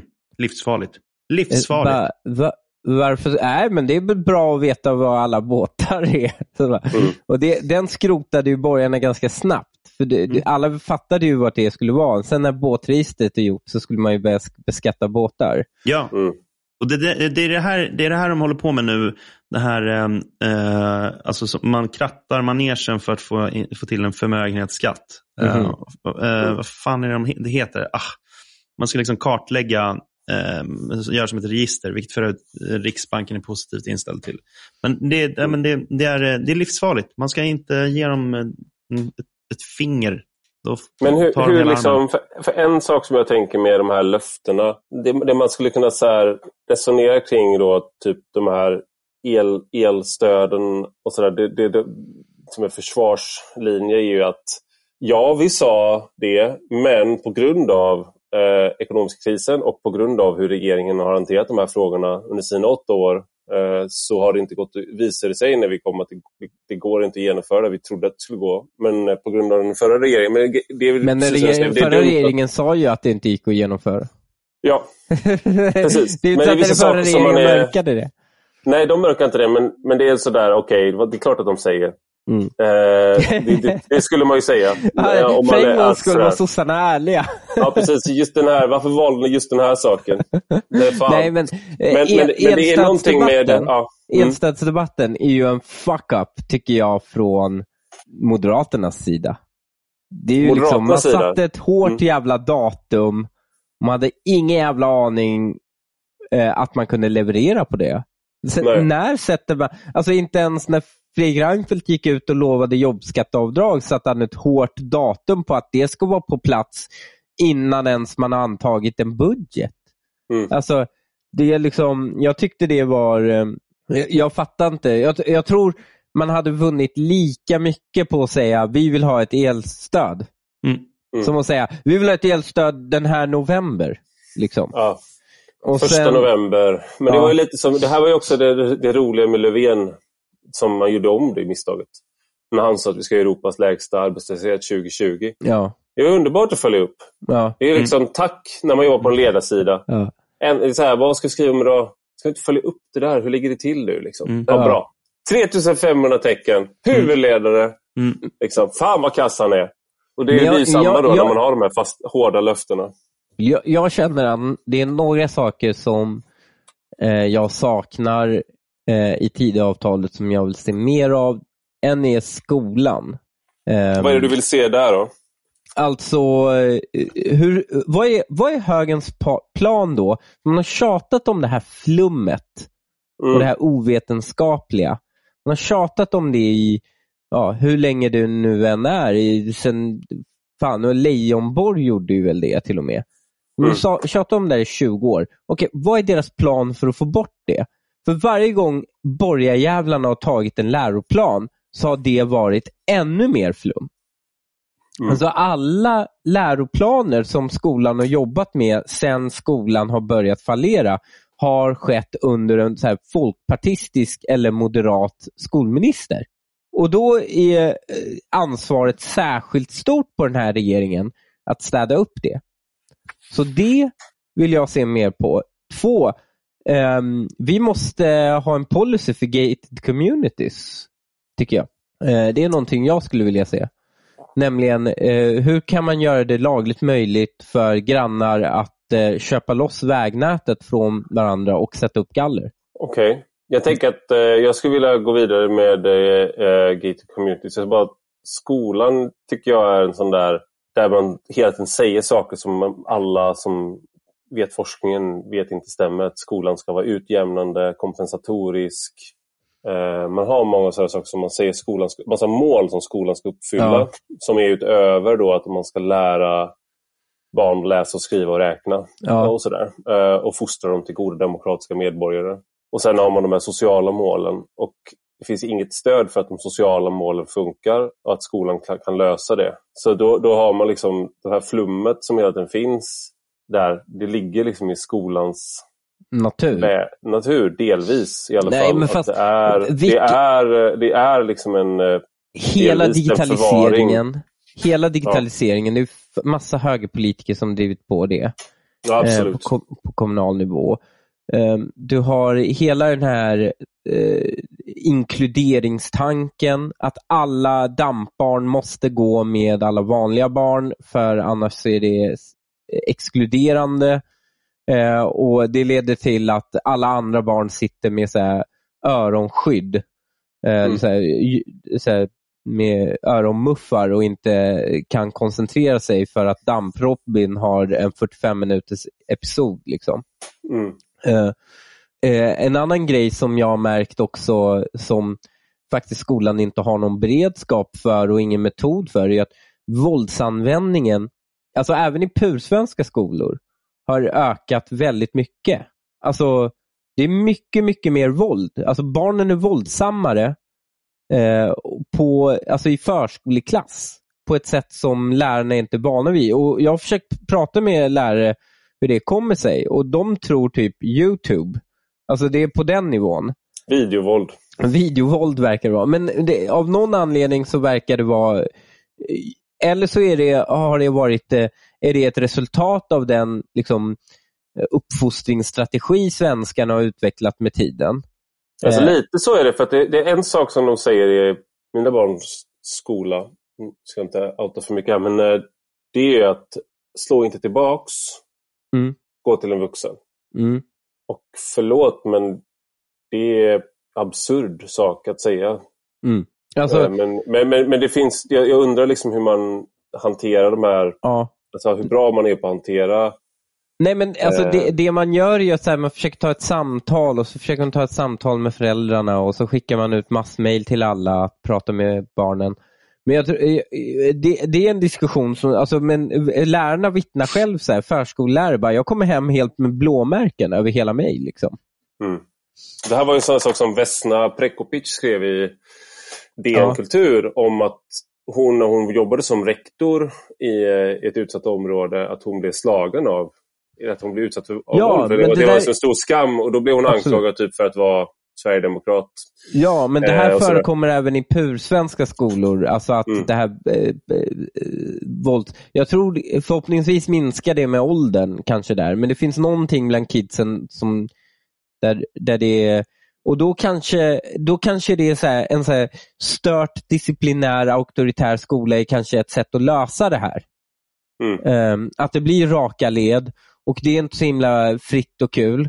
Men eh, det här får, blir ett sätt för oss att behålla de få lärarna som finns kvar, att de slipper bli sönderslagna. Liksom. Mm. Eh, Jag skulle säga att det där är på det stora hela, mina, mina barns skola är sån. Alltså Ja. det, det, och det är väldigt, de löser, även om jag tycker att det där det är absurt att säga det de sa, då, men Mm. de har väldigt extremt många vuxna närvarande vid alla raster och de löser konflikter, de är väldigt, väldigt närvarande på allt och de strukturerar lek, mm, vilket låter tråkigt men det är ganska kul för att barnen lär sig hur samspel och de får hjälp med att lära sig samspelet. Så att det är liksom inte bara att man typ ligger i sanden Ja. eller något sånt där eller typ är ute och typ kastar hårda snöbollar i ansiktet på varandra utan man, typ så här, det är jag, man gör olika spel. Liksom. Ja, men jag tycker liksom, jag, jag vet inte hur man ska lösa det här. Det kanske, det, det, det är kanske någonting med det mjuka samtalet vid en överträdelse som är för lite. Utan det kanske behövs lite en rektors bord och bli tillkallad och föräldern ska sitta där och skämmas tillsammans med barnet. Jag tycker, jag tycker alltså, en, en gäst som du skulle kunna ha med i podden ifall du inte redan haft honom är eh, Gabriel Heller Salgren.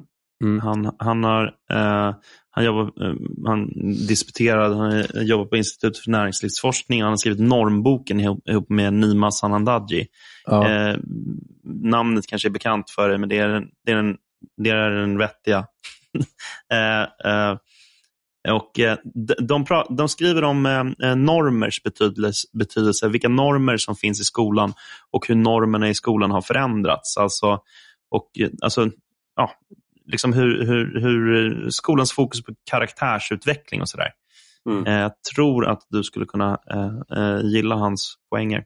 ja, och, Jag har haft, jag har haft kontakt med honom tidigare men eh, jag tänkte, eh, jag, men eh, nu också börjar bli gay- trött i huvudet, men jag tänkte gated commun- det du tar upp där med gated communities tyckte jag, tycker jag är intressant för att här är också en skiljelinje som går i liksom, det skär in i flera frågor. För Typ när Sverigedemokraterna kom, började komma liksom framåt starkt där på slutet av, eller mitten av 00-talet.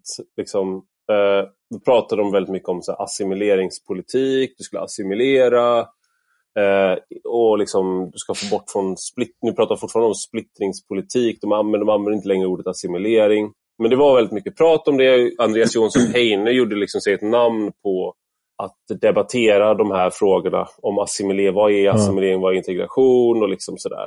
Eh, handlar jättemycket om multikulturalism och sånt. Men nu är det som att vi har nått en punkt, vilket du skrev i en krönika Mm. i Expressen nyligen, där det är liksom ingen som tror att det är möjligt att integrera människor på det sättet som man kanske menade då. och inte assimilera heller de facto. Nej, precis. Ja. Liksom var, varken, var, oavsett vad man lägger in de Ja. orden så är det väldigt svårt Ja. att eh, integrera och det är nog omöjligt att assimilera. Mm. Och då, hur löser du då problem med segregation där vissa känner att ja, men jag vill inte här, jag har inte valt det här. Mm. Det, är inte det, här jag, det här är inte det jag vill se med mina, mina barn växa upp i. Då är det så här, okej, okay, då löser du det genom att eh, införa eh, liksom, instruktioner om en allsidig social sammansättning. Ja. Till exempel att du bussar barn. Eller, liksom, det är absolut inte bussar, de kan också åka tåg. Eller de kan också ta sin Voi. Liksom, sådär. Så det är absolut inte bussar, men det är det det är. Eh, det, det, så kan man försöka lösa det. Ett annat sätt är ju då till exempel att man gör det möjligt för människor att välja bort. Mm. Genom gated communities till exempel. Nej, men jag tittar på, mm, särskilt där jag bor, så är det liksom, det är två vägar in i hela Ja, vad- vad har- grannskapet. Vad har du för adress? Eh, det är skyddat. Eh, jag har skyddad adress. Så, men där jag Så bor kan, så... jag kommer lägga ut adressen sen i anslutning till podden. För den som är Men- intresserad. Bakom betalvägg. Men det är liksom, eh, det gatunätet, eh, stora delar av gatunätet är eh, samägt. Det är någon kommunal väg. Men eh, vi skulle med lätthet kunna sätta upp två digitala galler och eh, eh, få ganska stor trygghet i det här området. Och vi har redan det. Alltså alla barn springer fritt här. Eh, Men vi vill gärna hålla det så också.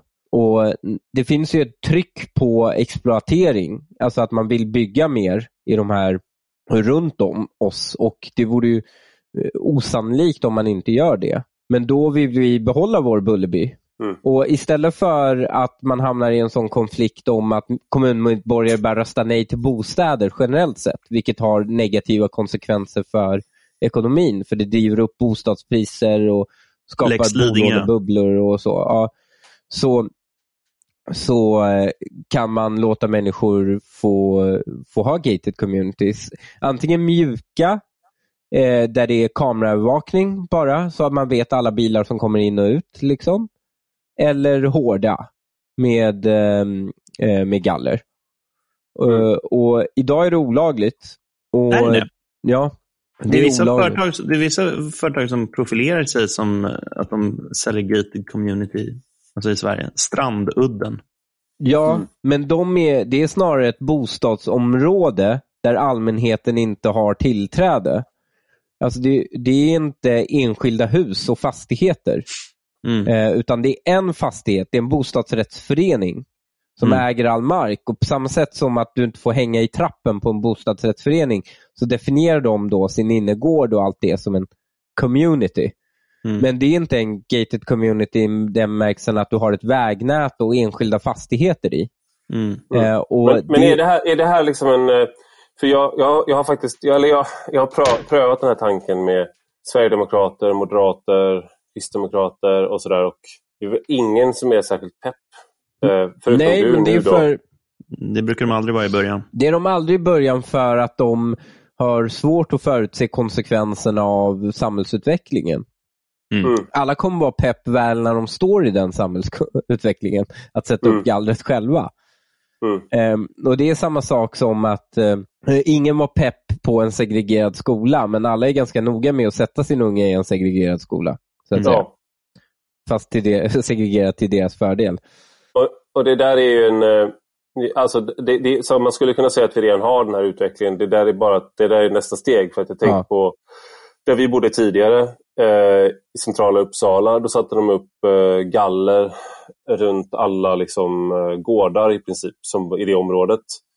Och med kodlås. Och det är så här, det, det hindrar en del från att ta sig in. Så här, är du väldigt motiverad så kan du såklart liksom lyckas ta dig in och sådär ändå. Men det skyddar liksom mot ja, alltså en viss typ av människor för att snabbt kunna ta sig Men in. här, här är också så här, um, det är här eh, faktiskt eh, den hårdaste kritiken mot det här kommer faktiskt från eh, ännu mer högerut eh, än vad vi är. För då är det Mm. så här, ja, ni, ni, införde invandring, ni, ni, så här, ni införde invandringen och nu ska vi ha ett övervakningsgated community-samhälle. Jag menar, de har ju rätt i det, men de tror ju att lösningen är bara återvandring. Jag tror de inte inser de stora... Alltså det är klart att Sverige kan ha ett oerhört mer omfattande återvandringsprogram. Men ehm, eh, och Det saknas faktiskt lite i Tidöavtalet också. Mm. Man kan vara långt mer kreativ och detaljfylld än vad, än vad eh, Sverigedemokraterna känner jag har varit. ehm, eh, i Tidöavtalet, eh, återvandringsdel. Men det kommer fortfarande inte räcka. Där var ju Liberalerna, de har varit väldigt tydliga med att de lyckades få ut den där bruna sörjan. Nej, Ja. men den där, just återvandring Ja. var en sån där sak som de eh, lyckades, de satte in någon slags, det lilla vetot som de Mm. hade liksom, satte de in bland annat mot det. Men det, om vi pratar i- inom högersfären, så att säga, så är det ju, ska vi bädda för så att säga, nästa valrörelse. Mm. Eh, och då är det ju, så måste vi börja diskutera de här frågorna på ett så att säga, seriöst sätt. För annars blir det ju bara det här pajiga, jag ska köpa flygbiljett till alla AFS-läget som finns.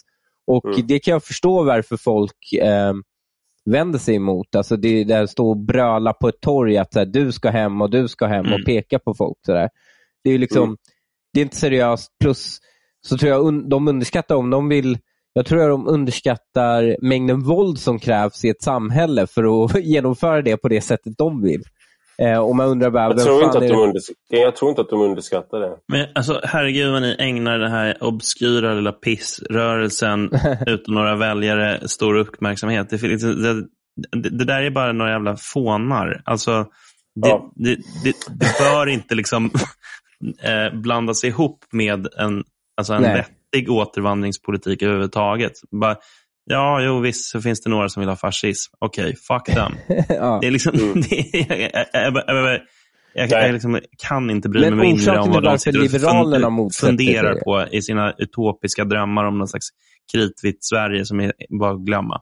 Men alltså orsaken till varför Liberalerna motsätter sig det här Ja, är ju för att de tänker ju på AFS när du säger återvandring. ja precis. Men, men, det, men att, att ens liksom glida in i liksom en, resonemang om det är nästan att legitimera den diskussionen. Det är bara vans, vansinne. Det är såklart inte det det handlar om överhuvudtaget eller ens nära det. Mm. Alltså, men gated communities är ju verkligen så här, alltså, att, att ge människor rätten att hitta på något annat ord än segregera om det, är, om det klingar illa, men det är fan vad det är.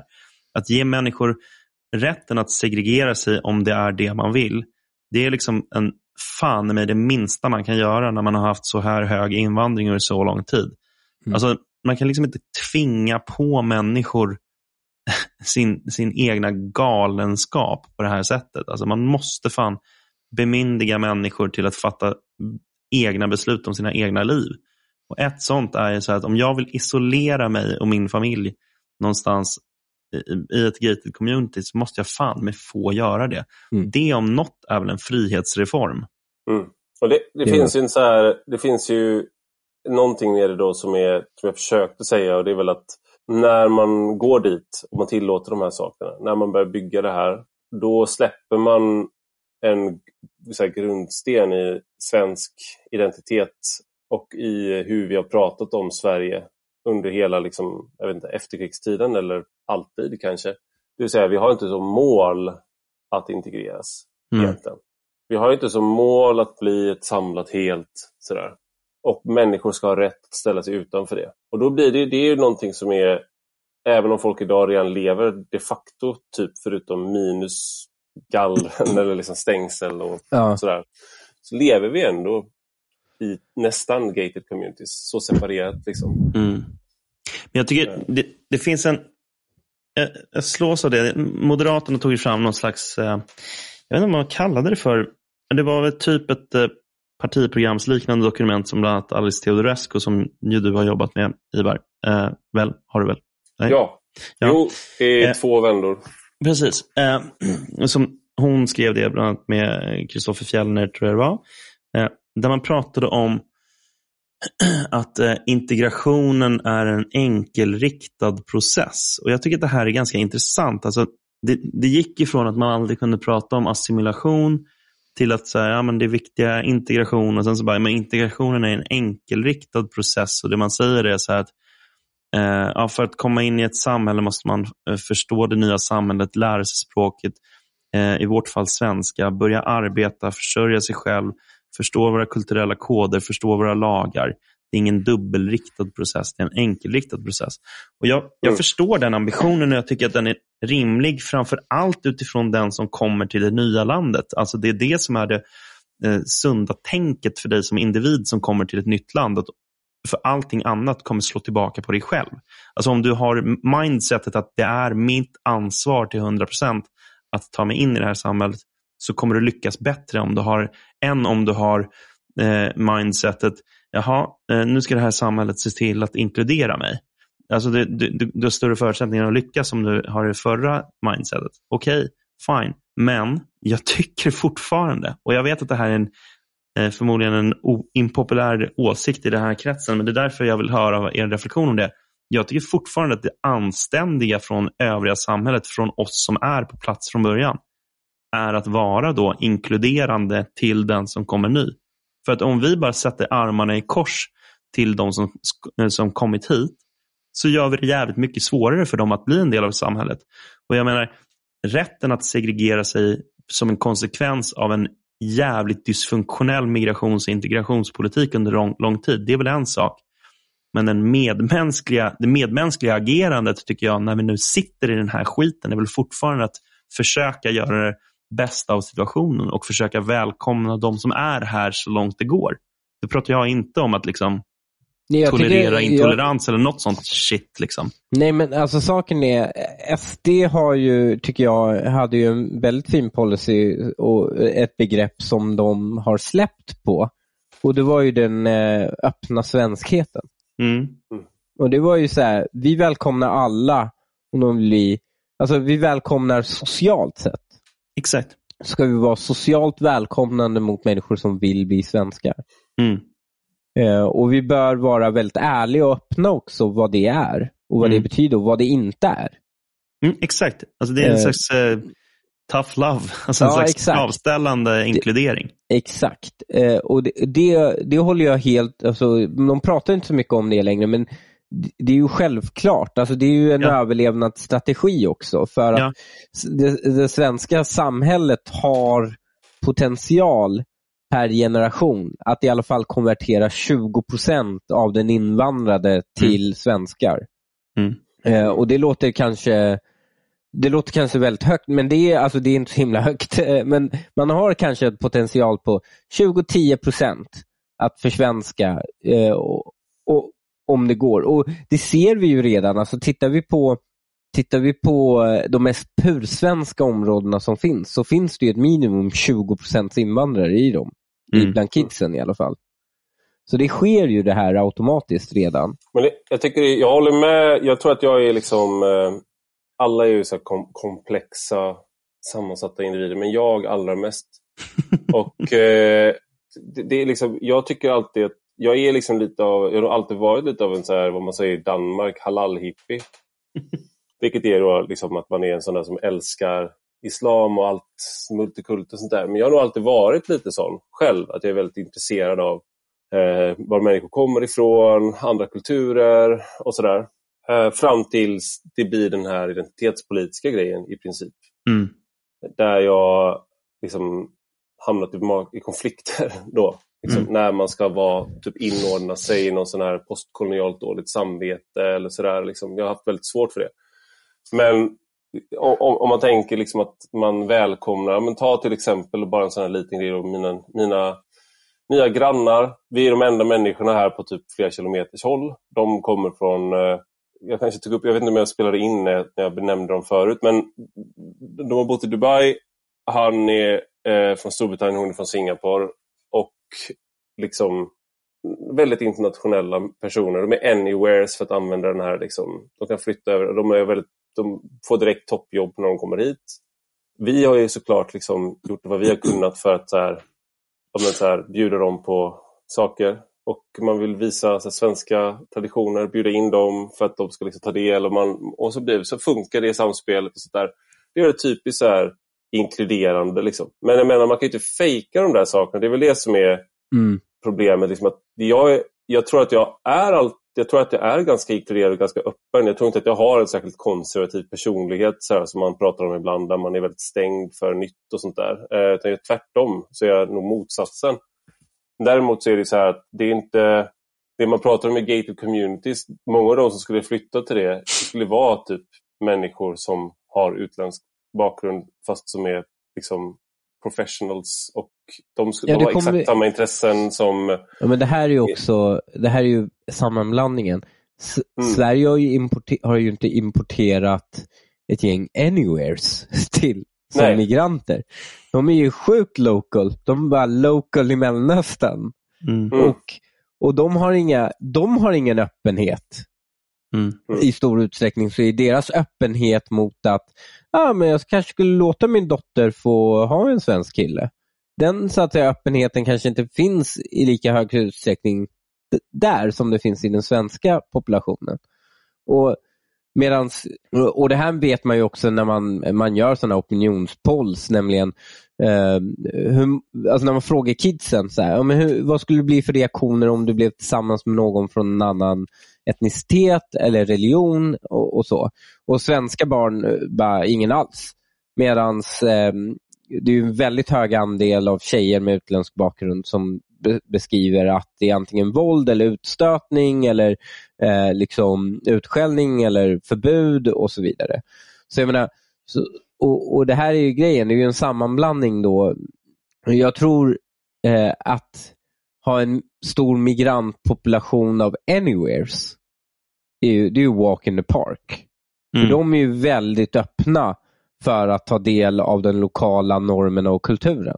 Men om man har en stor population av väldigt människor som inte är anywhere, som är väldigt lokala, men känner sig bara att, liksom, att eh, omständigheterna har fått dem att eh, landsätta sig i en annan del av världen. Då vill de ju, då, då blir de ju liksom dubblar de ju, då går de ju liksom all in på sina normer och kulturer. Och det är därför... sa väl det att han, han flyttade inte till Sverige för att bli svensk utan för att få vara kurd. Ja, och det är sån sak, det lät så provokativt när han sa det, men det är egentligen ganska självklart. Ja, ja exakt. Medans um, en svensk, liksom, när Anna Anka flyttar till USA så vill, så vill hon ju liksom bli då det här amerikanska, en del av det. Mm. hon blir en anywhere. Och, och det, det, eller liksom, du börjar, liksom, anywhere är ju förstadiet till att anamma en ny lokal kultur. Medan mm. du kommer ju aldrig kunna göra det om du är så himla fast förankrad i din tidigare. Mm. Eh, och vägrar ta del av, av något nytt. Um, och Då blir ju frågan, okej, okay, men hur konverterar man väldigt lokala till anywheres? Alltså, det här märker man ju redan. Eh, det är ju inte som att orten-människorna är så himla mycket anywhere heller i andra generationen tvärtom, de är oerhört lokala mm, i form Lokalpatriotismen både... är en del i identiteten. Liksom. Ja, de är oerhört patriotistiska till sitt bostadsområde, till sin invandrarkultur, till sin till den här kreolkulturen som, som, som bildats där. Man konsumerar bara deras musik, eh, deras, influenserna som är starka där och så vidare. Det blir oerhört, man, man tycker inte om, man, liksom, man, det blir, man får ju den här kontakten när man råkar gå in på deras Twitter och man pratar om tjejer som bara säger hade ni dejtat en svensk? Liksom? Och det är mm. på riktigt en diskussion. det var just nu har det trendat någon sån här typ halvironisk tråd om just där, där, där ja. olika, typ allt högern och eh, förort, orten Twitter möts i en eh, underbar blandning. Harmoni alltså där de säger att, eh, som... han bara, vad är det här? Varför, så här, svensk, svenska killar, vadå? De har inga så här mammakomplex och, och, och har inte massa så här emotional baggage, utan han är trevlig, öppnar dörren och, och tar mig ut på middag. Liksom. Mm. Just det, och så var det flera, var det flera då, som också svarade ja, han tar ut på middag men sen så kräver han att du betalar halva notan och typ sådär bara tog upp ganska roliga så här, eh, ja. nyanseringar av det svenska ska man väl säga. Liksom. Men ja. eh, i alla fall, ja. Men det, det, är väl det som är grejen med, med gated communities. Det finns andra saker med det där men jag, jag tänker liksom att det är någonting, det finns ett öppet fält här för partier att vara opt-out-partiet. Och ja Frågan är vem som kommer vara det först. För ja. att just nu så är inget av partierna där. egentligen. Och, Nej. eh, Jag det- förstår det- inte varför Sverigedemokraterna inte är det faktiskt. Det borde vara Sverigedemokraterna. Det är de som ligger närmast, eh, alltså Ja. deras väljare är Ja. närmast i. Fast jag tror, jag tror att det jag tror att det är fel. För att jag tror fel. att Jag tror de, eh, Moderaterna Moderaterna ligger ligger, närmast. närmast. För att det har att göra med det krävs en ekonomi och det är också Mm. egentligen den här att vadå, varför ska vi som fri, som du var inne på Per egentligen, tycker jag ganska, ganska bra att liksom så här, varför ska vi som här, fria individer som vill någonting tillsammans, varför ska vi vara hindrade för, från staten för det? Och vi vill sluta oss samman i den här Mm. konstellationen. Så varför ska vi inte få göra det? det är liksom, och det där går ju tillbaka till så här, de flesta som utvandrade från Sverige gjorde inte det på grund av fattigdom utan på grund av religiöst förtryck. Och där var en del av det här. Man, man, och då, man flyttade hela församlingar som ville utöva sin tro till USA. Sådär. Men, och, och det här är ju egentligen det, alltså det är besläktat i det att man vill ha, kunna leva enligt sina värderingar och liksom sitt sätt att vara på. Eh, Och, och jag tror och det de- här är också kommer Moderater har också generellt sett, har den väljargruppen kanske ekonomiska resurser i större utsträckning att kunna Mm. genomföra i så fall sådana Och projekt också. centerpartister på landet. För då pratar man, man kan prata om federalism då. Att staten ska inte komma och bestämma på din makt, på din mark vad du vill göra. Om du har en vägförening med dina grannar, varför ska inte ni få bestämma vilka som ska åka på den? När du pratar centerpartister på landet, då, då, det du säger då är Sverigedemokraten numera? Ja, det är sant. Mm. Ja. Ja. Mm. Ja. Men alltså för Ja. Sverigedemokrater, för mig, är ju... Du vet när man åker igenom en riktigt liten håla. Jag bor, Och så- det, är, det är en sån jag bor i. Ja, nej, men fast, och så finns det ett gäng 60-tals miljonprogram i den här lilla, lilla hålan som bara Mm. har en pizzeria och ett livs. Liksom. Mm. Och då tänker jag att Sverigedemokraterna sitter där inne och kedjeröker. Eh, Mm. Medan Centerpartisten är den som äger gården och Moderaten är den som äger liksom den nybyggda villan eh, i mitt huvud. Eh, Ja. Och jag tänker den som bor i en sån lägenhet lär ju skita fullständigt i gated communities. Alltså, det, ja, Men liksom, jag tror bara att den som sitter i den lägenheten har en ölflagga i taket och kedjeröker gillar bara att det klingar in politiskt inkorrekt om gated communities. Jaha. Så på grund av Ja. namnet så gillar de det. Just det. Jag tar avstånd från det Hanif sa om eh, människor nu. Jag tycker att det är dålig människosyn. Tror att vi ska, jag ska släppa er nu snart. Jag börjar typ köra slut på er. Jag känner Ja. mig så här, ja, Nu har ja, jag, nu har jag liksom, det, här, det var så här det var när jag spelade Starcraft 2. Det var typ så här, jag spelade och spelade och spelade. Och eh, så spelar man med sina kompisar och de bara ah, Ivar, jag måste gå och lägga mig. Fan, jag har skola imorgon. Ah, Okej, gå och lägg dig jävla mes. Och så kör man åtta timmar till. Så sen när de går upp sen, så bara, är du, har du gått upp nu också så tidigt? Bara, Nej, jag har kört hela natten. Det är fan Platinum League nu. och sen går man och lägger sig och sover typ 12 timmar, vaknar sju på kvällen och bara ah, I've made a huge mistake.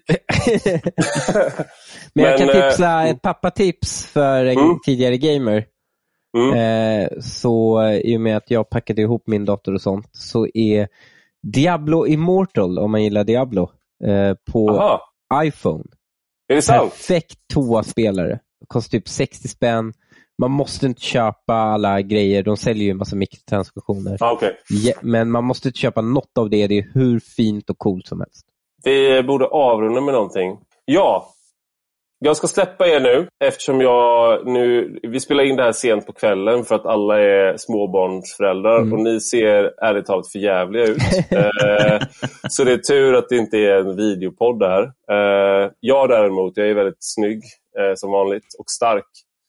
Eh, men ni ska ju ut på föreläsningsturné, eller? Det låter Det är- så tråkigt föreläs- med en föreläsningsturné. Vi ska ha en show. Ni åker runt och värdegrundscertifierar olika, olika grupper av människor. Jag gillar det. Alltså, jag, jag hatar ordet show, för det bygger upp en förväntan som vi inte kommer kunna leverera på. Det kommer Vi vara en grym show. Vi, vi är två dudes med, som mickar upp och snackar lite skit. Liksom det, Ja. det Livepodd blir det helt Mr. Shameless och Mr Busty mickar upp och kör loss. Liksom. Kom, ta med dina barn. Mm. Nej, men, Okej, men ni har, ni har då ett antal shower som ni ska göra. Eh, var kommer ni vara och när så att man kan komma och kolla på er? Vi kommer vara den 22 januari i Göteborg. Och där finns det faktiskt 25 platser kvar. Eh, Mm. Så det är sista chansen. Vi, har redan, eh, vi kommer vara i Göteborg ett annat datum också, men där är det helt slutsålt den 12 februari. Men, eh, så den 22 januari i Göteborg. Sen kommer vi vara i Stockholm den 30 och 31 januari, men det är slutsålt den 30 januari. Så det finns några platser kvar den 31 januari. Okej. Så passa på där. Ehm, och Sen så kommer vi därefter åka till eh, Lund. ehm, där vi kör, eh, där vi, där vi kommer köra. Vi tänkte prova att se Skåne, men Malmö eh, det vill vi, var vi otaggade på. Så då kör vi Lund och sen så får vi ge en studentrabatt till de biljetterna. Den Det är 13. 13 februari i Lund. Okej. Och det finns fortfarande biljetter kvar där? Det finns fortfarande biljetter kvar. Okej, men och, vad- och kommer ni sända? Kommer det här bli typ livepodd? Nej. Eller är det här exklusivt för den kvällen? Den kommer, vi, vi, kommer, vi kommer, eventuellt kommer vi spela in någon av kvällarna. Ja. Kanske. Alltså vi, vi kommer ju spela in men, och i sånt fall eventuellt släppa till Patreon så vi får se lite. Men, men eh, det kommer inte vara någonting som släpps öppet i alla fall. Nej. Och varför, va, va, och så här, man- du lyssnar på god ton och, och så här, vad är det som är så kul med två personer på scen? Alltså vad får man Därför man jag är mycket att bättre live. på det? Jag är mycket bättre live. Per kan vittna. Vi provade göra en live-show faktiskt. Vi åkte till Gävle och gjorde en. Mm. Ja. Mm. Och det blev... Eh, vi har inte släppt det avsnittet och Per har inte ens... Eh, han har tjatat på mig att jag ska klippa färdigt det och jag har inte gjort det för jag har lyssnat igenom hela och det är det bästa vi någonsin har gjort. Och Mhm. Jag vägrar låta folk eh, få höra det. För att det är så bra. Det är så bra. Det är som, där, det är som alltså, Wu-Tang Clan säga- när de släppte en skiva i ett exemplar som inte finns på Spotify. Så det är Men- bara men så en... här- Men alltså så här, för egen del så måste jag säga så här, varför ska vi göra det här? Ja, men jag, jag tycker att det, kän, det här är så här klyschigt, men det är faktiskt genuint sant. Jag tycker det ska bli jävligt kul att få träffa publiken. För de som kommer Mm. gå på det här är såklart till absolut största majoritet folk som lyssnar på podden. Och Det tycker jag är ett kul tillfälle att få liksom möta den publiken på ett annat sätt. Det ska bli jävligt roligt. Eh, sen så är det kul att stå och eh, gaffla på scen och sådär. Det gillar ju både jag och Hanif. Men eh, eh, det är väl egentligen det. Så, eh, det skulle bli kul, alltså, det här hänget runt också. Gå och ta en bira i baren och snacka med lite folk. Liksom. Det ser jag Mm. jävligt mycket fram emot. Ja, jag förstår det. Det där är någonting som jag eh, har, har tänkt... Eh, jag tror sista måltiden gjorde någon grej och jag var Mm. en he hemlig gäst så det var ju såklart kvällens höjdpunkt. Men det var, nej, men det var kul och det var just det där. Alltså, det, är lite, det kanske var den här lappsjukan som man hade fått efter covid. Att man bara, Mm. okej, jag har simmat runt typ så här 3000 meter under havet och det har varit svart. Och sen Mm. plötsligt så Mm. kommer man till ett ställe där det finns andra bläckfiskar eller vad jag var i den här Mm. metaforen. Eh, och så bara, okej, och det här är människor jag känner via Facebook och Twitter. Mm. Och man liksom, Mm. fan det är du, just det. Så och så. Mm. Det var faktiskt det var långt över förväntan, skulle Mm. jag säga. Att få, alltså det var inte, min, det var inte mitt tillfälle, men det var kul att få träffa folk Ja. som, sådär, och prata utan att det är att det inte är nätet bara, eller liksom ett mejl eller sådär. Vi skulle vad varit på den roligt. scenen Ja. också, men vi var på eh, eh, Hanif Balis svensexa då. Så Mm. Jag vet inte om jag har berättat det för dig Hanif, men jag ställde in det på grund av att vi eh, skulle iväg på din svensexa. Va? Ställde du in någon jävla underhållningsgrej med fem snubbar du inte känner knappt för min svensexa? Gud, tack så mycket. Otroligt. bara- Jag är så tacksam. Men eh, kul att eh, nu har vi pluggat er och jag vill också bara lägga till att jag var inte bjuden på Hanifs eh, bröllop. Det var ingen av Eh, dem men- heller, så det, blev, det var en, Men- en tjur jag fick ta vid hornen. Ja, men eh, stort tack eh, Hanif Bali och Per Lindgren för att ni var med och vann kulturkriget här i rak höger. Tack. Skönt, tack. Och stort tack till dig som har lyssnat. Gå gärna in och skriv en recension på Apple Podcasts eller i den app där du lyssnar på podden. Och detta är alltså en del av en större publikation på Substack med samma namn som podden. Och den som prenumererar där kan även ta del av de texter jag skriver. Gillar man det man läser och hör får man gärna bli betalande prenumerant för 5 euro i månaden eller 50 om året. Då får man ta del av lite exklusivt extra material också. Du hittar rubbet på ivararpi.se. Och har du några frågor eller synpunkter kan du alltid mejla mig på ivararpi Vi hörs igen.